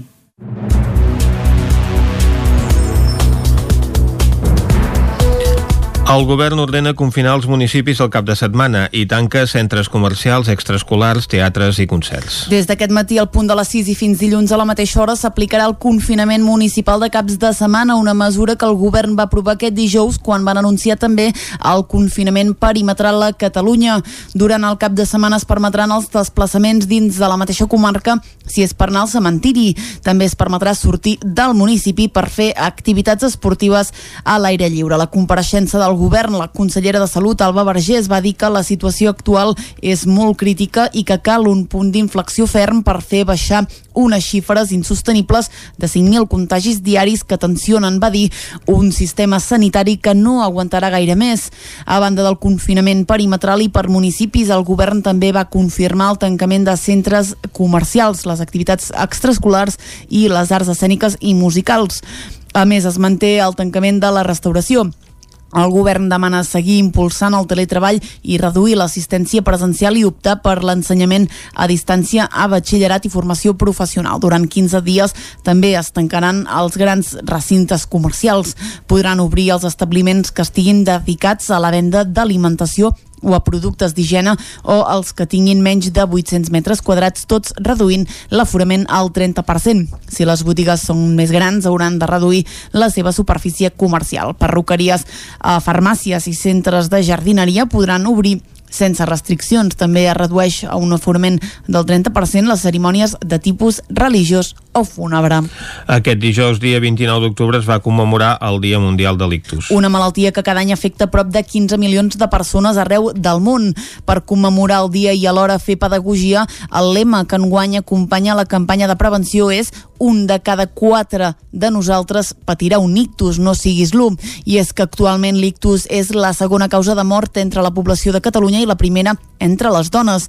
Josep Maria Aragonès és el referent del Servei de Neurologia del Consorci Hospitalari de Vic. Aquest dijous, en una entrevista al nou magazín del Nou TV, va portar dades de la malaltia en clau usonenca. Sí, en els últims eh, cinc anys eh, tenim eh, dades que són eh, bastant similars. Tenim uns 250 ictus eh, a la comarca, atesos a l'hospital, ictus que poden ser tant eh, eh, isquèmics per infart cerebral, eh, per un trombo amb, amb infart cerebral, o bé hemorràgics. I també tenim formes transitòries, formes que, que duren doncs, menys de 24 hores, que en diem accidents isquèmics transitoris, i d'aquests en, teni, en tenim uns 80 a l'any. Aragonès va insistir en la importància de prevenir la malaltia, un factor clau per arribar pràcticament a erradicar-la. Va insistir en la importància de ser hàbils en cas de detectar-la, ja que en cas d'ictus el temps és decisiu. El ple extraordinari que l'Ajuntament de Vic va celebrar aquest dimecres, encara en format telemàtic, va aprovar la congelació dels impostos, taxes i preus públics per l'any 2021. Amb 17 vots a favor i 4 en contra, aquest dimecres el ple de l'Ajuntament de Vic va aprovar la congelació de totes les taxes, impostos i preus públics públics per l'any 2021. Una ordenança que, segons la regidora d'Economia, Núria Oms, arriba adaptada al context de pandèmia i amb novetats. La més singular, l'exempció total de la taxa de terrasses per ocupar la via pública durant tot el 2021. La proposta de l'equip de govern va comptar amb el beneplàcit d'Esquerra Republicana i del PSC. El republicà Josep Lluís Garcia celebrava el diàleg distès amb el govern que en aquesta ocasió els ha permès, entre d'altres, desencallar el projecte de reurbanització del carrer Botànic Micó per millorar l'accés a la plaça Osona. Malgrat l'entès, els republicans també van detectar mancances en la proposta del govern d'ANR és veritat que aquests no són els nostres pressupostos. Evidentment no són els pressupostos d'Esquerra Republicana i podrien trobar un munt de mancances i un munt de desacords. En citaré alguns, aniré ràpid. A nosaltres ens, ens hauria agradat, i així ho vàrem proposar, que hi hagués una piscina no municipal nova o bé un pavelló nou o les dues coses eh, al sud de la ciutat, creiem que és una mancança important. Creiem que eh, cal un centre cívic al Sucre, ja ho vam demanar, i hi ha una omissió claríssima del mercat municipal que nosaltres trobem a faltar. Ens hauria agradat veure algun tipus de partida qui va votar en contra van ser els quatre regidors de Capgirem Vic. Els anticapitalistes van lamentar uns pressupostos que asseguren són els mateixos de l'any passat i per tant no preveuen cap mesura extraordinària per pal·liar els efectes del coronavirus. Pere Freixa és regidor de Capgirem Vic. És evident que no votarem a favor d'aquests pressupostos que són iguals que els de l'any passat, que no preveuen cap mesura extraordinària davant la situació actual, ni plantegen cap canvi estructural ni projecte alternatiu a la gestió que s'ha fet fins ara. Des de Capgirem Vic van lamentar que el govern d'ANR no contempli les ordenances com una oportunitat per redistribuir la riquesa i capgirar la situació de desigualtat que asseguren ja a la capital usonenca. Dimecres al vespre es va fer a Cardedeu, així com a moltes poblacions de Catalunya, una concentració per reclamar la llibertat dels detinguts per la Guàrdia Civil i en contra de la repressió. David Oladell, de Ràdio Televisió, Cardedeu. Una quarantena de persones es van manifestar a la plaça de l'Ajuntament per protestar per les detencions de la Guàrdia Civil fetes dimecres en una operació, segons la Guàrdia Civil, sobre el finançament irregular del procés a través de fons públics. En sentir la notícia, l'Assemblea Nacional Catalana i Òmnium Cultural van convocar protestes davant dels ajuntaments de tots els municipis de Catalunya i on es va llegir un manifest. Escoltem Albert Coromines. L'operació desplegada avui per la Guàrdia Civil amb una trentena d'escorcolls i detencions d'activistes, empresaris, els càrrecs de govern, etc., torna a demostrar que la repressió té múltiples cares, però sempre un mateix objectiu, limitar els drets fonamentals de la ciutadania i utilitzar la por per perseguir la dissidència política. Som davant d'una nova operació d'estat per perseguir l'independentisme. Malauradament, els fets d'avui ens recorden molt els fets del 20 de setembre. És la mateixa dinàmica des de fa anys. Clavegueres de l'Estat abocades a la persecució de l'independentisme, un projecte polític legítim i democràtic. El Ministeri d'Interior i la Guàrdia Civil van informar a través d'una nota de premsa que es va detenir a 21 persones que estan investigades per malversació de fons públics, prevaricació i blanqueig de capitals. Els investigats són persones pròximes i vinculades a Junts per Catalunya i Esquerra Republicana. Al Ripollès només s'han pogut fer tres plens presencials des de l'inici de la pandèmia. Isaac Muntades des de la veu de Sant Joan. Només 3 dels 28 plens que s'han celebrat del Consell d'Alcaldes, del Consell Comarcal del Ripollès i els 5 pobles grans de la comarca com són Ripoll, Sant Joan dels Abadeses, Can de Bànol, Camprodon i Ribes de Freser des de l'inici del primer estat d'alarma el passat 13 de març arran de la pandèmia de la Covid-19 s'han fet de forma presencial. Els plens telemàtics sembla que han arribat per quedar-se almenys fins que no millori molt la situació o hi hagi una vacuna efectiva. Els confinaments, la responsabilitat dels polítics o la limitació de les reunions a 6 persones, encara que en el cas dels plens seria discutible ja que es tracta d'un òrgan de l'Ajuntament que és part de la feina del govern han fet que la majoria de consistoris i ens supramunicipals optessin pels plens telemàtics a través de YouTube amb aplicacions com el Zoom o a través de Local Red. En el cas del Consell Comarcal del Ripollès, les quatre sessions telemàtiques dels mesos d'abril, maig, juliol i setembre s'han pogut seguir sense cap problema a través del YouTube. El mateix ha passat amb les tres del Consell d'Alcaldes. En aquest cas, les de maig i setembre van ser telemàtiques, però la de juny, coincidint amb l'època que el nivell de contagis de coronavirus es va reduir molt abans de l'inici de la segona onada, es va fer presencial a la sala de Cal Marquès a Camprodon, amb distància de seguretat i tothom amb mascareta. A Ripoll s'han fet un total de 7 plens des del mes de març, dels quals els d'abril, maig, juliol, setembre i octubre van ser telemàtics i es van haver de seguir pel canal de YouTube de l'Ajuntament. En canvi, el del mes de juny es va fer presencial a la sala Eudal Pradell amb una distància més gran entre els regidors amb la incorporació de noves taules i amb la mascareta posada, excepte pel qui parlava. La intenció era traslladar el ple d'aquest dimarts a la sala Bat Sant Just perquè és més espaiosa, però les noves limitacions ho impedeixen almenys per ara. A Sant Joan de les Abadeses, els tres plens de maig, juny i juliol van ser telemàtics i es van poder escoltar per la veu de Sant Joan. En canvi, el de setembre sí que va ser presencial però sense públic perquè els regidors s'havien de seure amb mascareta a les cadires destinades als ciutadans per garantir la distància de seguretat. Els tres plens que es van fer a Camp de Bànol els mesos d'abril, maig i setembre van ser tots telemàtics i el de juny no es va poder fer perquè la secretària estava de baixa i va costar trobar un substitut. A Camprodon es van fer plens al maig, al setembre i al juny i només aquest últim es va poder fer presencial a la sala de plens. Tots els regidors anaven amb mascareta fins a l'hora de començar que se la van treure. A Ribes, els plens d'abril, juny, juliol i setembre van ser telemàtics i com en els casos de Camp de Bànol i Camprodon es van poder seguir pel canal de YouTube dels respectius ajuntaments.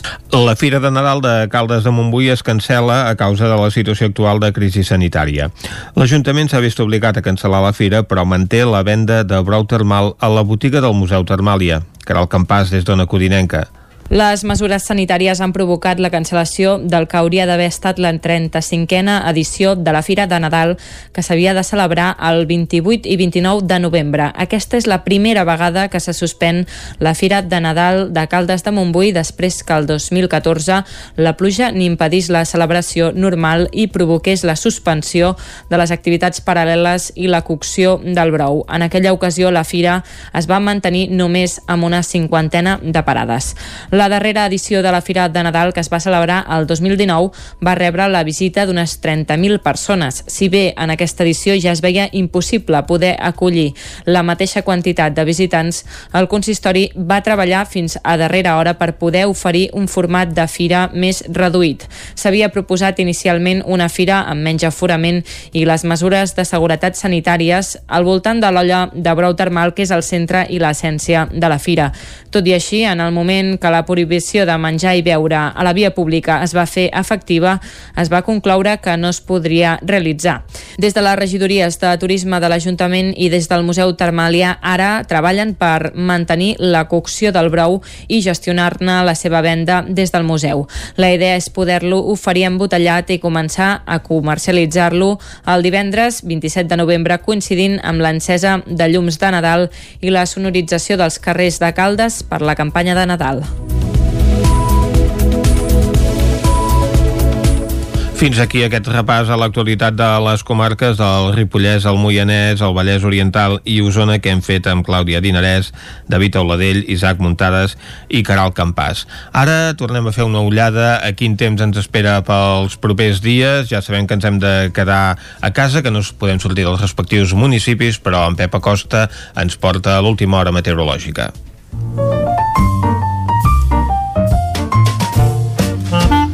Casa Terradellos us ofereix el temps.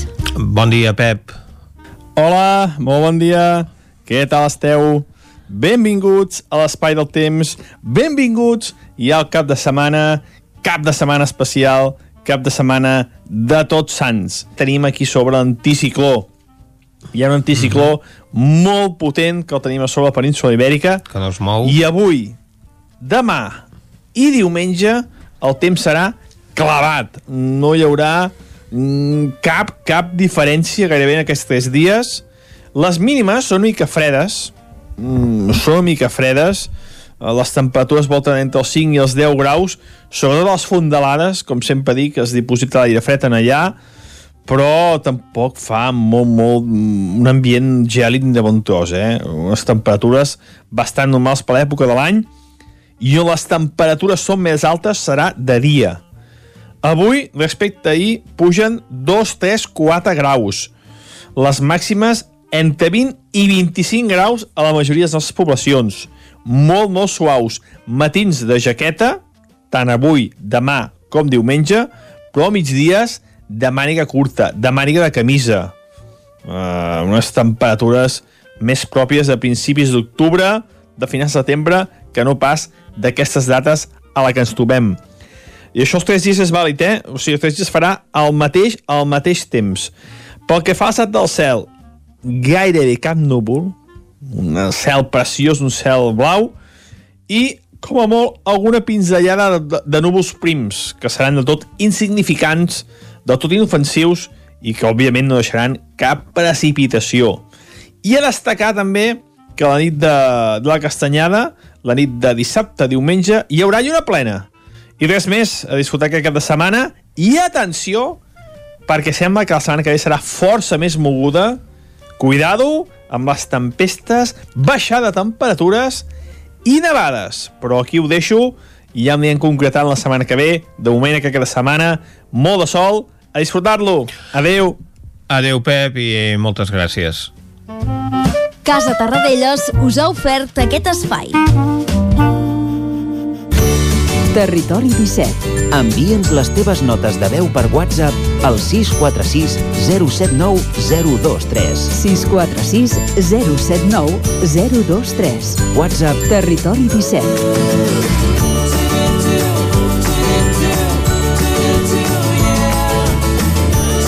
Territori 17. Som a Facebook, Twitter i Instagram amb l'usuari Territori 17.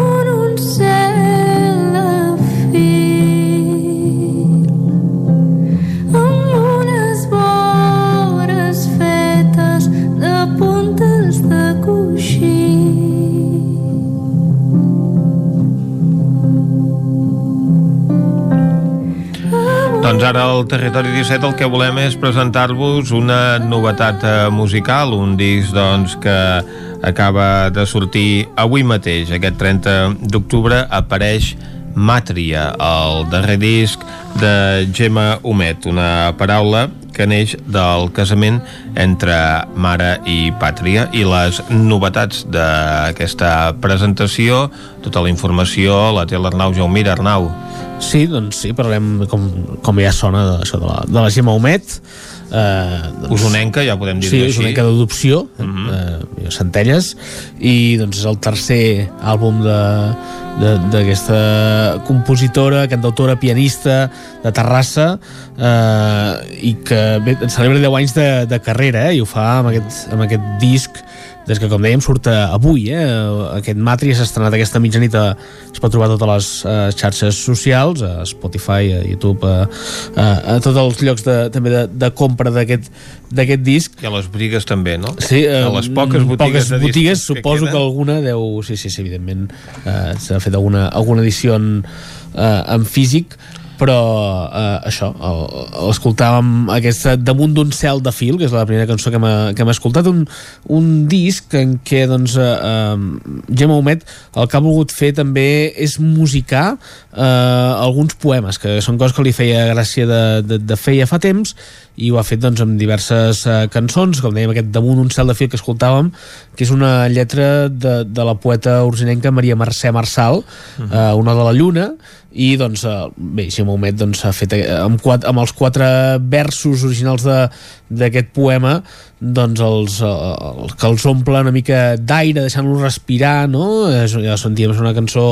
eh, en què respirava doncs, tota aquesta aura al voltant de la, de la cançó i eh, un disc en què també es nota de la, la mala producció de Jordi Casadesús eh, que, que t- també de biguetà eh, exmembre de, de la iaia eh, també eh, una de les persones importants en la carrera de Núria Graham i un productor doncs, que s'està descobrint ja fa discos amb uns, ja en porta uns quants eh, produint-los. I donant-li doncs, també aquesta mica de, de pàtina de- d'actualitat no? perquè aquest disc de Gemma Humet eh, sembla que tenim ocasió d'escoltar-ho eh, s'ha d'escoltar més, en- més en profunditat per veure-ho bé però té tocs també d'electrònica eh? una part de, d'electrònica que és un tema que domina molt bé Jordi Casadesús que de fet com va fer la presentació aquí al Mercat de Música Viva l'acompanyava Jordi Casadesús fent-li doncs, aquests, aquests acompanyaments en la part més electrònica és un disc que, que com dèiem, va avançar en exclusiva la gent que va anar aquell concert del Mercat de Música Viva que va fer la Bassa als Hermanos i eh, doncs, eh, des de llavors sí que la gent avui ha hagut d'esperar fins avui per escoltar aquest disc sencer. Escoltem, si et sembla, un altre d'aquests poemes que, que ha musicat, en aquest cas es diu Lila Clar, i és una cançó que pren doncs, el, el, el, agafa els últims versos de- d'uns poemes de, de Roc Casagran eh? d'un altre poeta català doncs eh, escoltem aquest Lila Clar escoltem-lo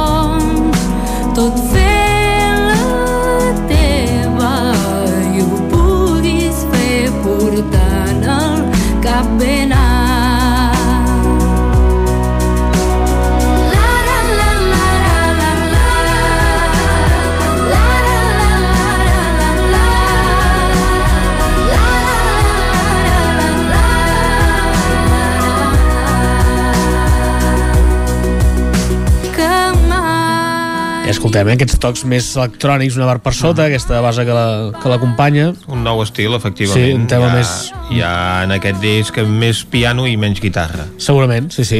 Aquest tema era més pop, eh? Segurament més, menys cantautora, menys això, menys, eh, menys el que ens té acostumats, però bé, és això, no? La, la, la Sense idea que... la seva Sí, sí, no, personalitat. no, això és evident. eh, La seva veu és inconfusible i, per tant, jo crec que de, ja, ja presideix també aquesta, aquesta cançó en tot moment, com deien, que inspirada en, en uns versos de, de Roc Casagran, eh, que, que també és una eh, diu que va optar per, per aquesta adaptació com a representació no femenina però aliada al feminisme eh? és un disc que, que té molt en compte tota doncs, eh, aquesta reivindicació feminista en la que doncs, Gemma Humet sempre ha abanderat sempre eh, ha volgut eh, dir les coses clares i en aquest disc doncs, ja, ja, ja directament el nom és evidentment una Exacte. declaració d'intencions aquest, uh -huh. aquest Màtria canviant pel Pàtria no? I, i doncs, eh, posant la, la dona en primer pla i és el que, que, que ha fet de fet també en la resta de, del disc eh, els poetes, les poetes que, que, que ha musicat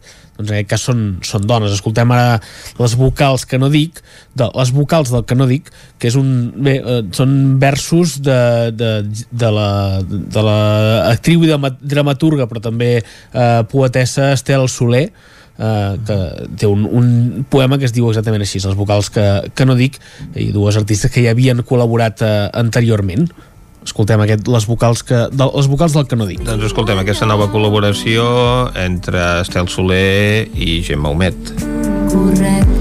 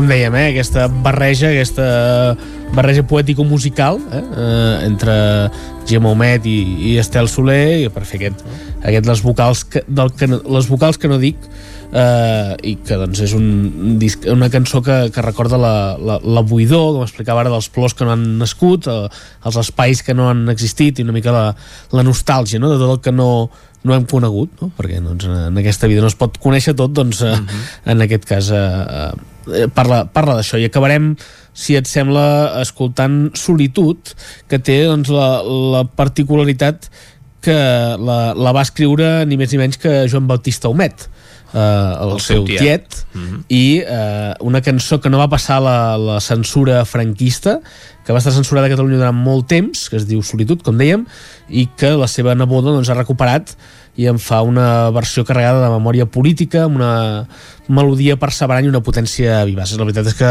Gemma Humet també és un altre dels temes pels que s'ha implicat sempre, que és per la llibertat de, de Catalunya, i en aquest, eh, aquí també torna fa la seva reivindicació i diu que s'ha inspirat també en els problemes que va haver l'any passat eh, després de la sentència de, de l'1 d'octubre. Segur que el seu tiet estaria molt content d'aquesta interpretació. Acabem amb aquest solitud. I arribem ja a la pausa de publicitat. trobar t'ajudés un cop a vèncer l'estranya, absurda solitud. El nou FM, la ràdio de casa, al 92.8. Pintures Xevi Soler. Tot en pintures. Façanes, obra nova, rehabilitacions interiors de vivenda, estucs, microciments, pintura industrial, motllures, terres vinílics... Pintures Xevi Soler. Ens agrada assessorar-vos i fer de casa vostra el millor lloc del món. Ens trobareu a Manlleu, al carrer Sogorb 113, telèfon 616 15 87 33 o 93 851 3504. Cocodril Club. Si t'agrada la bona música dels anys 60, 70 i 80, escolta el 9 FM als matins de dissabtes i diumenges d'11 a 1. És el temps del Cocodril Club, tot un clàssic de la ràdio, amb les bases del pop-rock, les llegendes, les cançons que s'han convertit en autèntics himnes. Recorda, dissabtes i diumenges al matí, d'11 a 1, al 9 FM 92.8. Cocodril Club, el programa revival de l'Albert Malla. Hasta luego, Anuncia't al 9FM. La màquina de casa. 9 3 8 8 9 4 9 4 9 Publicitat arroba al 9fm.cat. Anuncia't al 9FM. La publicitat més eficaç. No em trec la imatge dels nens amb cara de velocitat baixant per la pista vermella. Sí, molt divertit. I quin fred. Uh. Tranquil·la, he deixat l'estufa encesa i la casa està calenta. Sempre tenim sort de comptar amb Corretja. Són especialistes en aïllaments i estufes. Acabar la jornada d'esquí amb la família al voltant de l'estufa i amb aïllaments de primera és 100% corretja. Corretja. Tot i més a corretja-sl.com. A la Violeta de Centelles fem menjars casolans com els que feia l'àvia. Vine i tasta'ls. Esmorzars de forquilla, la nostra paella dels dijous, menús diaris, dinars i sopars. La Violeta de Centelles. Ens trobaràs al carrer Anselm Clavé 3, al telèfon 93 881 36 05 i també a Facebook i Instagram.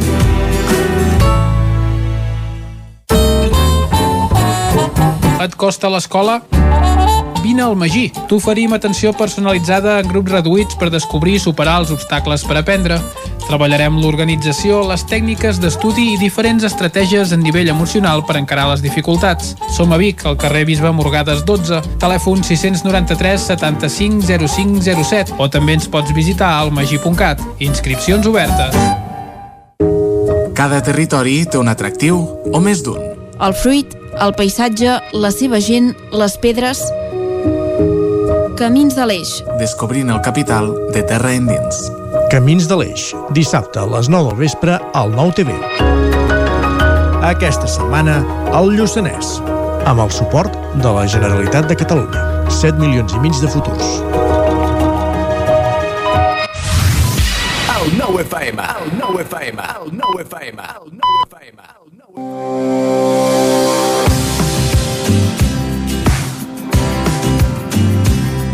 I avui acabem la setmana amb la capital de la comarca, Solsona. Solsona, capital de la comarca del Solsonès, manté encara avui els seus principals atractius, la calma i la riquesa del patrimoni històric i cultural. S'han trobat vestigis que demostren que ja era habitada al Neolític, cap al 3000 abans de Cris. L'origen de la Solsona actual cal situar-lo al segle X, la ciutat va néixer a l'entorn del castell i del monestir. L'any 1593 es va crear el bisbat de Solsona i l'any sobre el rei Felip II li va donar el títol de ciutat.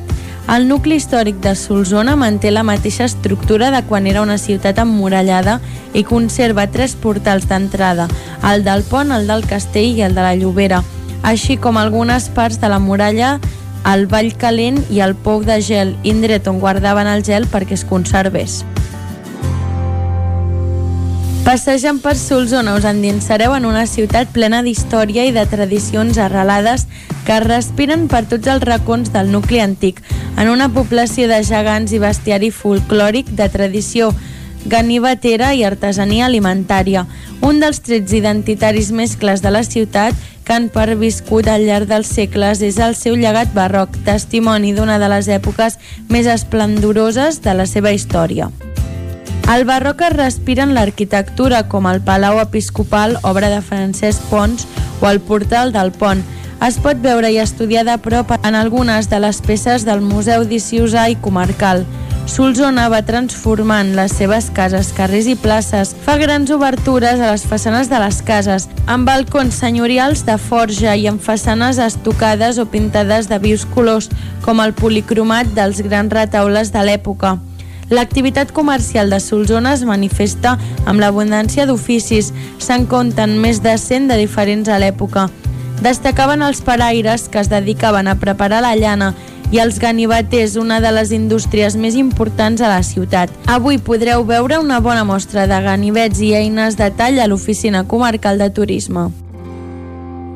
Des del 3 de juny de 2012, els gegants i de més improperis de la Festa Major de Solsona es poden veure al quarto dels gegants. La primera referència sobre els gegants a Solsona data de l'any 1675, quan va aparèixer una primera parella. La segona arribaria l'any 1727, amb motiu de la translació de la imatge de la Mare de Déu del claustre. Les figures femenines han anat adaptant la seva imatge a la moda de cada temps. No va ser fins a l'any 1935 que van començar a vestir de forma medieval. Les figures masculines han mantingut sempre les seves característiques. Els gegants de Solsona més populars a l'exterior són els més irreverents, els de Carnaval.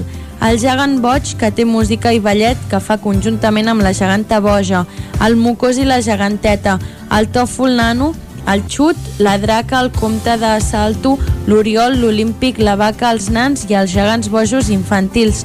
Tanmateix són els de la festa major els que tenen una qualitat estètica incomparable. D'aquests, el gegant vell és, juntament amb el drac, l'element per antonomàcia de la festa major de Solsona.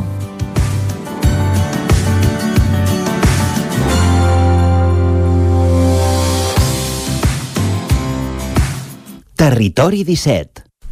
Després de conèixer una mica més la capital del Solsonès, el que farem nosaltres ara és un viatge per la R3, com sempre, amb la Trenc d'Alba. A Tren d'Alba. Cada dia els usuaris de la línia R3 de Rodalies que veuen sortir el sol des d'un vagó ens expliquen les gràcies i les penes del primer comboi que uneix Ripoll i Barcelona. Benvinguts a Tren d'Alba. Doncs us deixo amb la Núria directament, perquè arran de les diverses mesures que ha pres el govern per fomentar el teletreball, doncs ens ha d'explicar una cosa molt important. Bon dia des de l'R3. Avui, com un dia més, el tren ha arribat 14 minuts tard, però el que jo us he d'explicar avui és que avui jo no hi era. Amb aquestes noves mesures i totes aquestes coses que ara ens obliguen a fer, avui m'he quedat fent teletreball a casa, m'ha xiulat les orelles i un ocellet m'ha explicat com ha anat el tren igualment, però jo no sé sé, no sé com ha anat ni com ha estat el viatge. La meva crònica d'avui és una mica de despedida o no, perquè no sé què em tocarà fer. Al llarg del matí d'avui m'explicaran a veure com van les coses i què em toca fer, si igualment puc anar a treballar encara que sigui un parell de dies a la setmana presencial o a partir d'ara em tocarà fer teletreball. I com que no ho sé, doncs us ho explico perquè per si de cas despedir-me i, i que sapigueu el que ha passat. En tot cas, m'ha agradat poder-vos acompanyar durant aquest temps temps. Espero que us hagi pogut fer una mica de companyia i que us hagi pogut compartir també el temps que he passat d'hores de tren diàries i les aventures i desventures, com diu l'anunciat del programa, que he sofert durant tot aquest temps. Jo crec que serà una reveure i per poc que pugui a mi m'agradaria poder anar a fer presencial perquè canvia molt la feina des de casa o poder anar al camp de batalla, que diuen. Però, com que no depèn de mi, per si de casa això us ho volia explicar perquè ho sapigueu. Espero que estigueu molt bé, que us cuideu molt i que sobretot no perdeu l'optimisme, l'esperança ni la il·lusió de les coses. Això també passarà, ara ens toca passar per aquí i a mi m'agradaria pensar que de tot això n'aprendrem. No tant pel que ens estan manipulant, tergiversant i coartant llibertats, sinó interiorment cadascú com a persones per poder aprendre, doncs, conèixer-nos millor, escoltar-nos, respectar-nos cadascú, el que necessitem, el que volem i el que ens funciona per això, per tenir pau, per estar tranquils i per poder viure amb tranquil·litat i dignitat, encara que el món exterior no ens ho permeti gaire sovint. Us envio una abraçada molt gran, desitjant-vos tot el millor i amb la intenció i voluntat de que això sigui només un fins la setmana que ve. Una abraçada molt gran, família de la R3, seguirem lluitant, sigui des de casa o des del tren. Fins la propera. Adéu-siau. Doncs Núria, haurà estat un plaer tenir-te amb nosaltres si no pots continuar explicant-nos amb tant de detall com ho feies les cròniques diàries. Ens ha encantat escoltar-te cada matí, tot i que ja us dic que no descarto que la puguem escoltar un parell de dies a la setmana, que ja se sap que això del teletreball no està tan implantat com sembla. Va, ens retrobem dilluns i recordeu que ja portem un retard acumulat de 4 hores i 46 minuts des de l'inici d'aquest mes de setembre. Doncs podem, esperem poder continuar conversant amb la Núria que ens expliqui les seves vicissituds a la R3. Ara el que us hem d'explicar són les vicissituds del sector de la restauració i això ho farem ara cuinant a foc lent.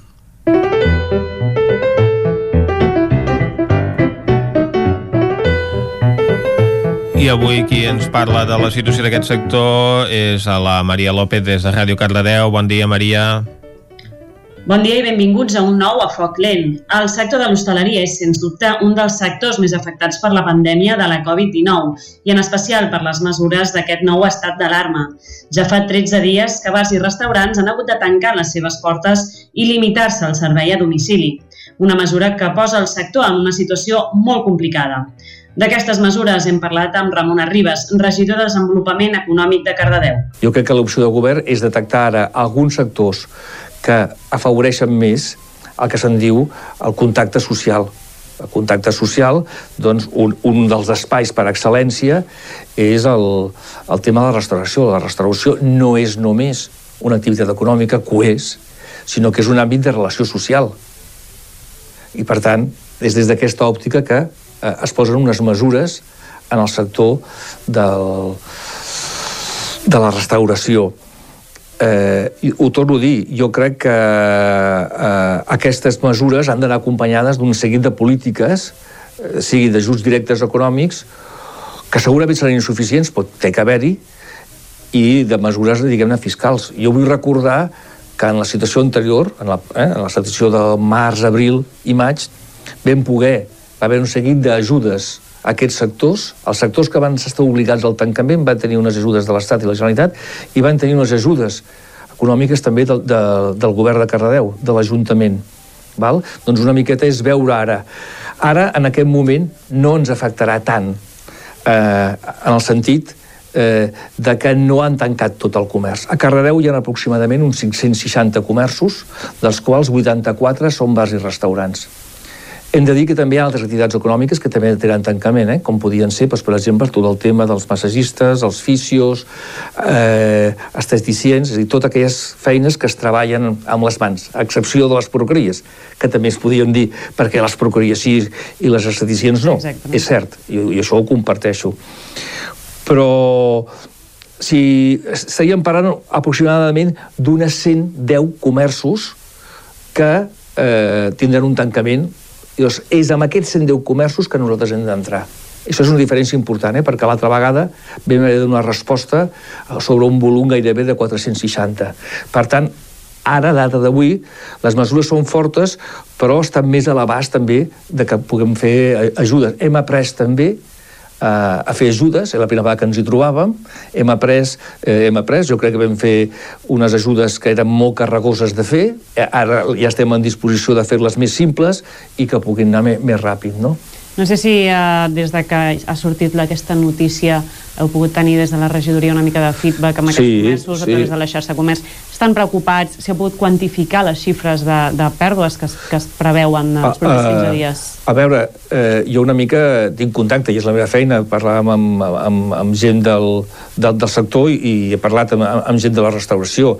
Eh, no preocupats, no, estan enfadats, estan molt enfadats i, i, i s'ha d'entendre. És un sector que li va costar molt tornar a engegar i hi ha hagut un canvi, és a dir, hi ha, hi ha hagut canvis, és un sector que abans prioritzava els espais interns, ara s'ha fet un esforç i s'ha contrarrestat aquesta situació per jugar amb, amb espais externs, amb terrasses, siguin al carrer o siguin terrasses in, interiors, i aquest és un tema que seguirem treballant. Seguirem treballant perquè això pugui ser així i que no tingui uns costos afegits pel, pel sector. Però ho torno a dir, és que estem en una situació d'alerta i la situació d'alerta eh, en aquest moment tot i que jo, coneixent el sector, podria entrar també a dir per què això i no l'altre, jo crec que en aquest moment el tema de la salut passa per davant de tot i és una obligació intentar parar la curva, perquè com estem entrant en una curva gairebé exponencial, si arribem aquí podem arribar a una situació de confinament. El regidor parlava d'un tancament necessari i de la importància de ser conscients de la situació. El sector, però, està quedant molt afectat i si el tancament ja complicava la situació, el toc de queda encara posa les coses més difícils. A l'altra banda del telèfon comptem amb la Mariluz. Ella és propietària del restaurant Antic Casino i membre de la Junta de la xarxa de comerç de Cardedeu. Bon dia, Mariluz, com estàs? Bé. Passant... Bé, un, un bé. bé concret i, i justet. Sí, intentant pair-ho tot com ho esteu gestionant? Com, o sigui, encara suposo que recol·locant-vos després d'aquest eh, tancament, que més o menys heu pogut anar salvant la majoria de, de restaurants i bars amb aquests serveis a domicili, que m'imagino que no tenen, no ho sé, desconec si tenen la mateixa eh, sortida o no que el fet de que vingui la, la gent a menjar, i ara sobre un toc de queda. En quina situació us trobeu? Uh, sí, que, sí que té sortida, eh? I a més ens hem trobat amb, amb el recolzament de la, de la gent del poble. Ens hem trobat que, que van consumint de restaurant en restaurant eh, per, per això, per donar suport a, a tothom.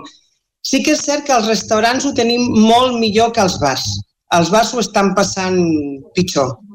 Ells no tenen la, la possibilitat de, de, fer, de, de, de fer el servei que, que fem nosaltres. Un, vendre cafès no, no, no és suficient, això no, no, no ajuda a, a fer calaix. Que I restaurant... comparar de fer molts cafès i moltes begudes per, per fer calaix, realment, i donar aquest exacte. servei a, a domicili és molt complicat. Ah, exacte, exacte. I els restaurants ho tenim una mica, una mica millor. En quant al toc de queda, Sí, els que fem sopars, sí, però bueno, eh, si t'adaptes una mica tens encara un parell d'hores per poder fer, fer sopars. Però t'has d'adaptar i has, has de canviar tota la teva infraestructura i per, per poder per adaptar-te, per adaptar-te però, però bé, s'ha de fer i, i ho estem fent. Heu notat el, el toc de queda aquests últims dies vosaltres o potser el centre setmana no, no ho heu notat tant de moment? A, a nivell no. de, de que baixin les demandes en aquest sentit, eh? No, nosaltres, nosaltres no. Nosaltres no. I m'imagino que els restaurants que fan més sopars poder sí que, ells sí que ho han notat, notat més. Nosaltres només obrim els divendres i dissabtes a la nit, però aquests que obren a tota la setmana poder s'ho han notat una mica, segurament, eh? Que no. Potser de cara al cap de setmana és quan podreu valorar una mica no? aquestes possibles, possibles diferències. Ah, exacte, exacte. Aquest cap de setmana ho veurem, a veure que, com va. Una de les, de les mesures que s'havia sol·licitat des del sector al govern era que ja que hi havia un, un toc de queda eh, es poguessin tornar a obrir d'alguna manera els, els restaurants, no? complint aquest horari, però almenys poder servir dinars com normalment. Com valores aquesta, aquesta proposta? És, és bona. De fet, eh, des del Gremi de Restauració se li ha demanat a la Generalitat Eh, veient també que, que, que, no, que, que no som els, que la restauració en realitat no som els responsables, bueno, la culpa no és de ningú, eh? i responsables no, no som ningú, però que veiem que, que la restauració, tancant la restauració, la corba ha continuat pujant una mica, pues, des del gremi s'ha demanat que ja que està posat el toc de queda, que ens deixin obrir almenys durant el servei de dia, esmorzars i dinars, almenys poder treballar durant el, durant el dia. I aquestes peticions, eh, hi ha alguna previsió de resposta? En quin moment estan aquestes negociacions?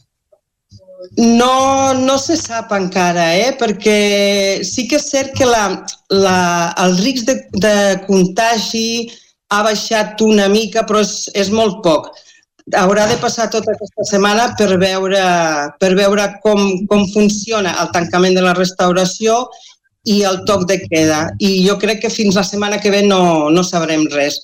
Però el més probable és que la setmana següent estiguem tancats encara. Que encara estiguem amb, aquestes, amb aquest sistema. Exacte, Exacte amb aquest correcte. sistema. Sí, sí, doncs, sí, és el més... Mariluz, de veritat, també moltíssimes gràcies per, per fer-nos una mica cinc cèntims de la, de la situació que, que teniu, que entenc que no és gens, que no és gens fàcil. A més a més, des de la xarxa de comerç, suposo que tens també aquest feedback amb altres, amb altres negocis, no només el, el teu propi. No, exacte, és que anem, anem de la mà. Com ha dit, eh, com ha dit el Dani, el, la restauració i el comerç anem tots de la mà. Si la gent consumeix cultura o si compra a Cardedeu, la, la, la gent al final s'acaba quedant a Cardedeu i no marxa. Vull dir que anem, anem tots plegats anem de la mà i hem de fer hem de fer poble, hem de consumir en el poble i hem de fer vida en el poble. Doncs segurament aquesta és una de les grans solucions per poder entre tots sortir-nos una miqueta de la, de la situació que, que tenim. Doncs reitero moltíssimes gràcies, Mariluz, per, per participar a l'entrevista d'avui i molts ànims amb la situació i amb, amb tot el que ve a partir d'ara. Sí, gràcies a vosaltres per donar-nos veu i ens en sortirem. Sí, sí, ens hem de sortir sí o sí, segur.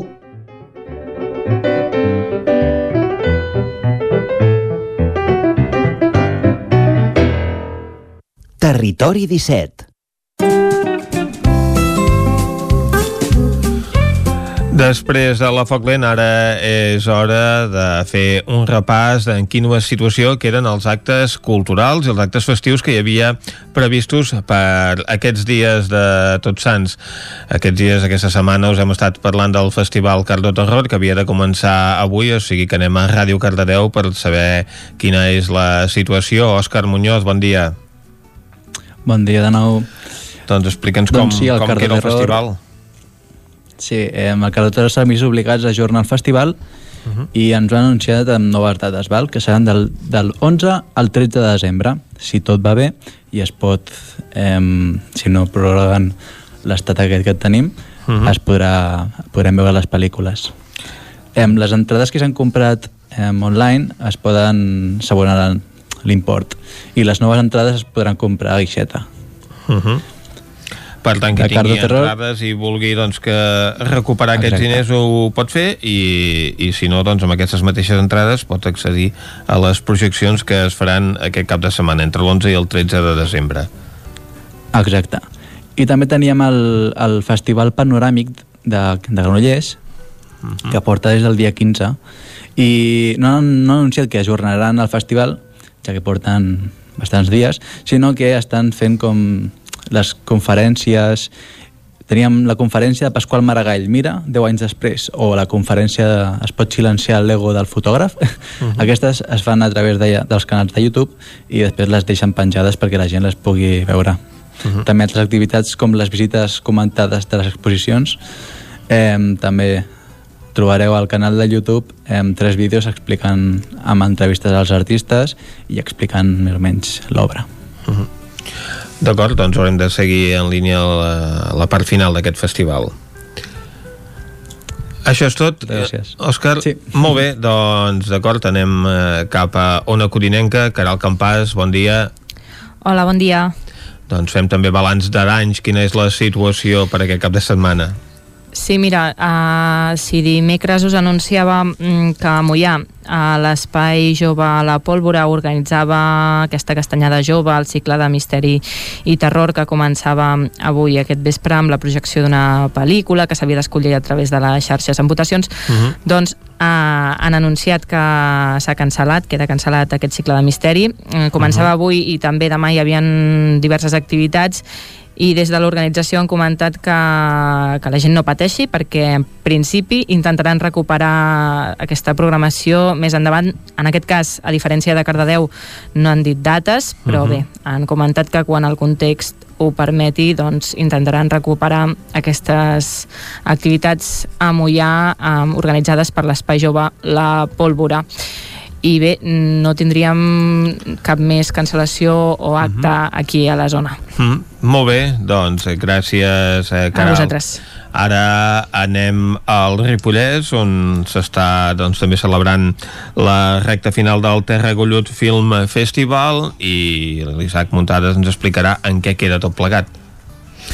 Doncs bon dia, Vicenç. Bon dia. Queda bàsicament que, per exemple, totes les activitats que eren presencials de, de previstes per aquest cap de setmana doncs eh, es reprogramen per més endavant i, per tant, de moment s'han vist obligats doncs, a anul·lar les sessions. Per exemple, eh, aquí al Ripollès teníem la projecció del film El Salmó Roig al Centre de Recursos del, de, del Ripollès a Ribes de Freser aquest dissabte i no, no es podrà fer i eh, aquí es comenta doncs, que eh, això que us comentava, eh, que es reprogramarà per més endavant, però ja es pot veure a través del terragullut eh, .com, des del canal terragullut.com fins, a, fins demà, fins a aquest dissabte. Vull dir que almenys es pot veure de forma uh, online. Uh, bàsicament això és uh, so- sobre les activitats que hi ha de, del Gullut uh, aquest cap de setmana. Uh, evidentment la sessió de clausura amb l'anunci de premis que s'havia de fer doncs, a, a Barcelona també també s'haurà de fer uh, en línia pel canal de YouTube i no es podrà fer uh, presencial i llavors eh, altres actes que vam parlar dimecres que també s'han hagut doncs, d'ajornar o suspendre. En aquest cas ha ajornat el concert de sardanes amb la Copla la principal de Llobregat a Ripoll. També el cicle in, uh, el cicle íntim cicle de teatre a prop de, de, Ripo, uh, de Ripoll de l'església que s'havia de fer l'església de Sant Pere que era un cicle doncs, de, de dansa.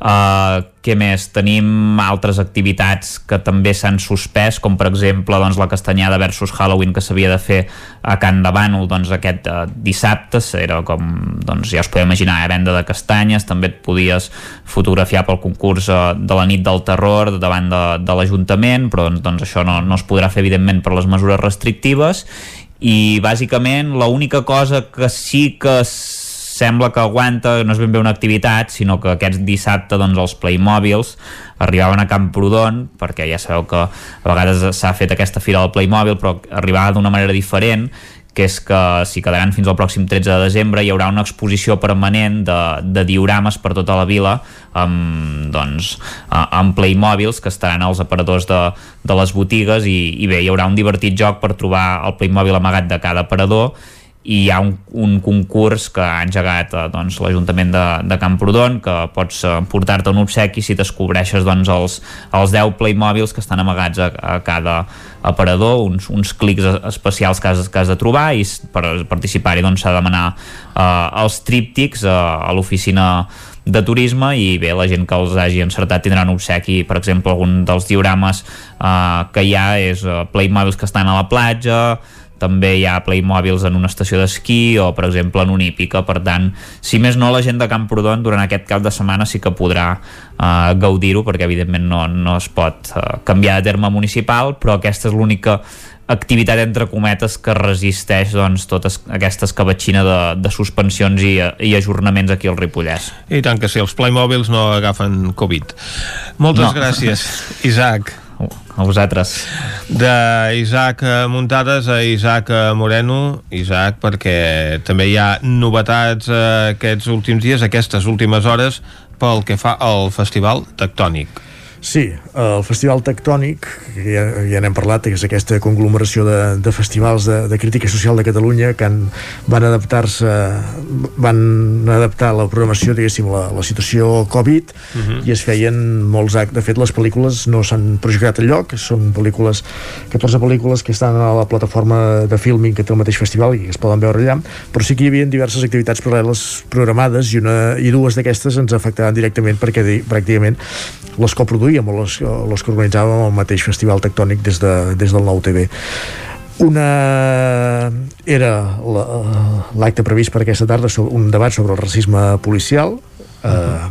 que s'emet, que es fa en directe per la televisió des d'aquí, des de les instal·lacions del Nou TV per tant com a programa de televisió que és es manté i es podrà veure tant pel Nou TV com pel canal de, de YouTube del festival uh -huh. l'altre era la colenda del festival que s'havia de fer a l'Atlàntida eh, el diumenge. el diumenge a la tarda hi ha en públic, en públic amb aforament limitat però en públic i en aquest cas sí que s'ha hagut de suspendre, era un tancament que, que, era, que era una xerrada entre Mònica de Ribes, Sergi López i Neus Ballús, evidentment el desplaçament d'aquests ponents i, i entenent-se que és una activitat cultural doncs no, no podia ser uh. -huh. i aquest acte doncs el, el festival sí que farà un tancament, el farà de, de forma digital i telemàtica, diguéssim, però no serà aquest acte previst i, inicialment. Uh. -huh. El que sí que, com dèiem, es farà és aquest espai televisiu d'aquesta tarda en què hi, a partir d'una de, de, la, de les pel·lícules programades al festival, que és Sixteen Shots, sobre la violència policial, sobre el racisme policial, i que moderarà l'usonenca Yolanda Sey, en el qual hi participaran eh, Yous, Yous Rael Mansuri, que és una educadora social, activista antiracista i feminista, Daura Mangara, músic i poeta, Mohamed Esacte, que és víctima de violència policial, i prèviament al debat, el mateix Esacte i l'advocada la, Marta Boliche Xordà, d'Irídia, eh, explicaran eh, el cas concret d'aquest cas de, de Mohamed Exacte, que és, com dèiem, víctima de violència policial. Uh mhm. -huh. Molt bé, doncs... Això eh, serà a partir de dos quarts de set, com dèiem, en directe pel Nou TV i pel canal de YouTube de, del festival. Gràcies, Isaac. Recordem també que s'ha suspès el lliurament del Premi al Ballesà de l'any que concedeix el 9-9 i ara anem a repassar com queda... S'ha ajornat, eh? No s'ha suspès. Exacte, s'ha ajornat. Anem a repassar el poc temps que ens queda com eh, resta l'activitat cultural a la comarca d'Osona amb en Jordi Vilarrodà. Jordi. Hola, bon dia. Poca activitat aquest cap de setmana de tota aquella que havíem promès. Doncs sí, de tot el que havíem dit eh, just abans d'ahir aquesta hora, eh, res. Eh, pràcti pràcticament res, no, res. Uh -huh. És a mhm. dir, s'ha suspès tot. En aquests moments s'està replantejant algunes, algunes d'aquestes activitats. Eh, una de les principals, el Festival de Música Religiosa, que aquest -huh. segurament mm, veurem, és probable que no es facin, no es puguin fer els concerts eh, qui tingui entrades els hi retornen els diners, però també recordem que això era a eh, benefici del Banc d'Aliments, per tant, uh mhm. -huh. també el qui hagi comprat entrades no vulgui el retorn dels diners farà un acte solidari. Clar. Atlàntida, amb teatres públics han mm, tancat l'activitat almenys durant aquests 15 dies i fins i mhm. tot uh -huh. coses que havien de fer-se just després d'aquests 15 dies, com el Festival de Cinema de Muntanya, ho avancem al diari aquest matí ho ha anunciat oficialment l'organització, que també se suspèn, encara que oficialment no estigui dintre d'aquests 15 dies. No es farà ara al mes de novembre i es deixa per després de Nadal el Festival de Cinema de Muntanya de Torelló. Per tant, així estem. Doncs amb aquesta última hora, que s'ajorna al Festival de Cinema de Muntanya de Torelló, tanquem el territori 17 d'avui. Nosaltres tornarem dilluns. Territori 17, un magazín del nou FM. La veu de Sant Joan, Ona Codinenca i Ràdio Cardedeu amb el suport de la xarxa. el nou FM.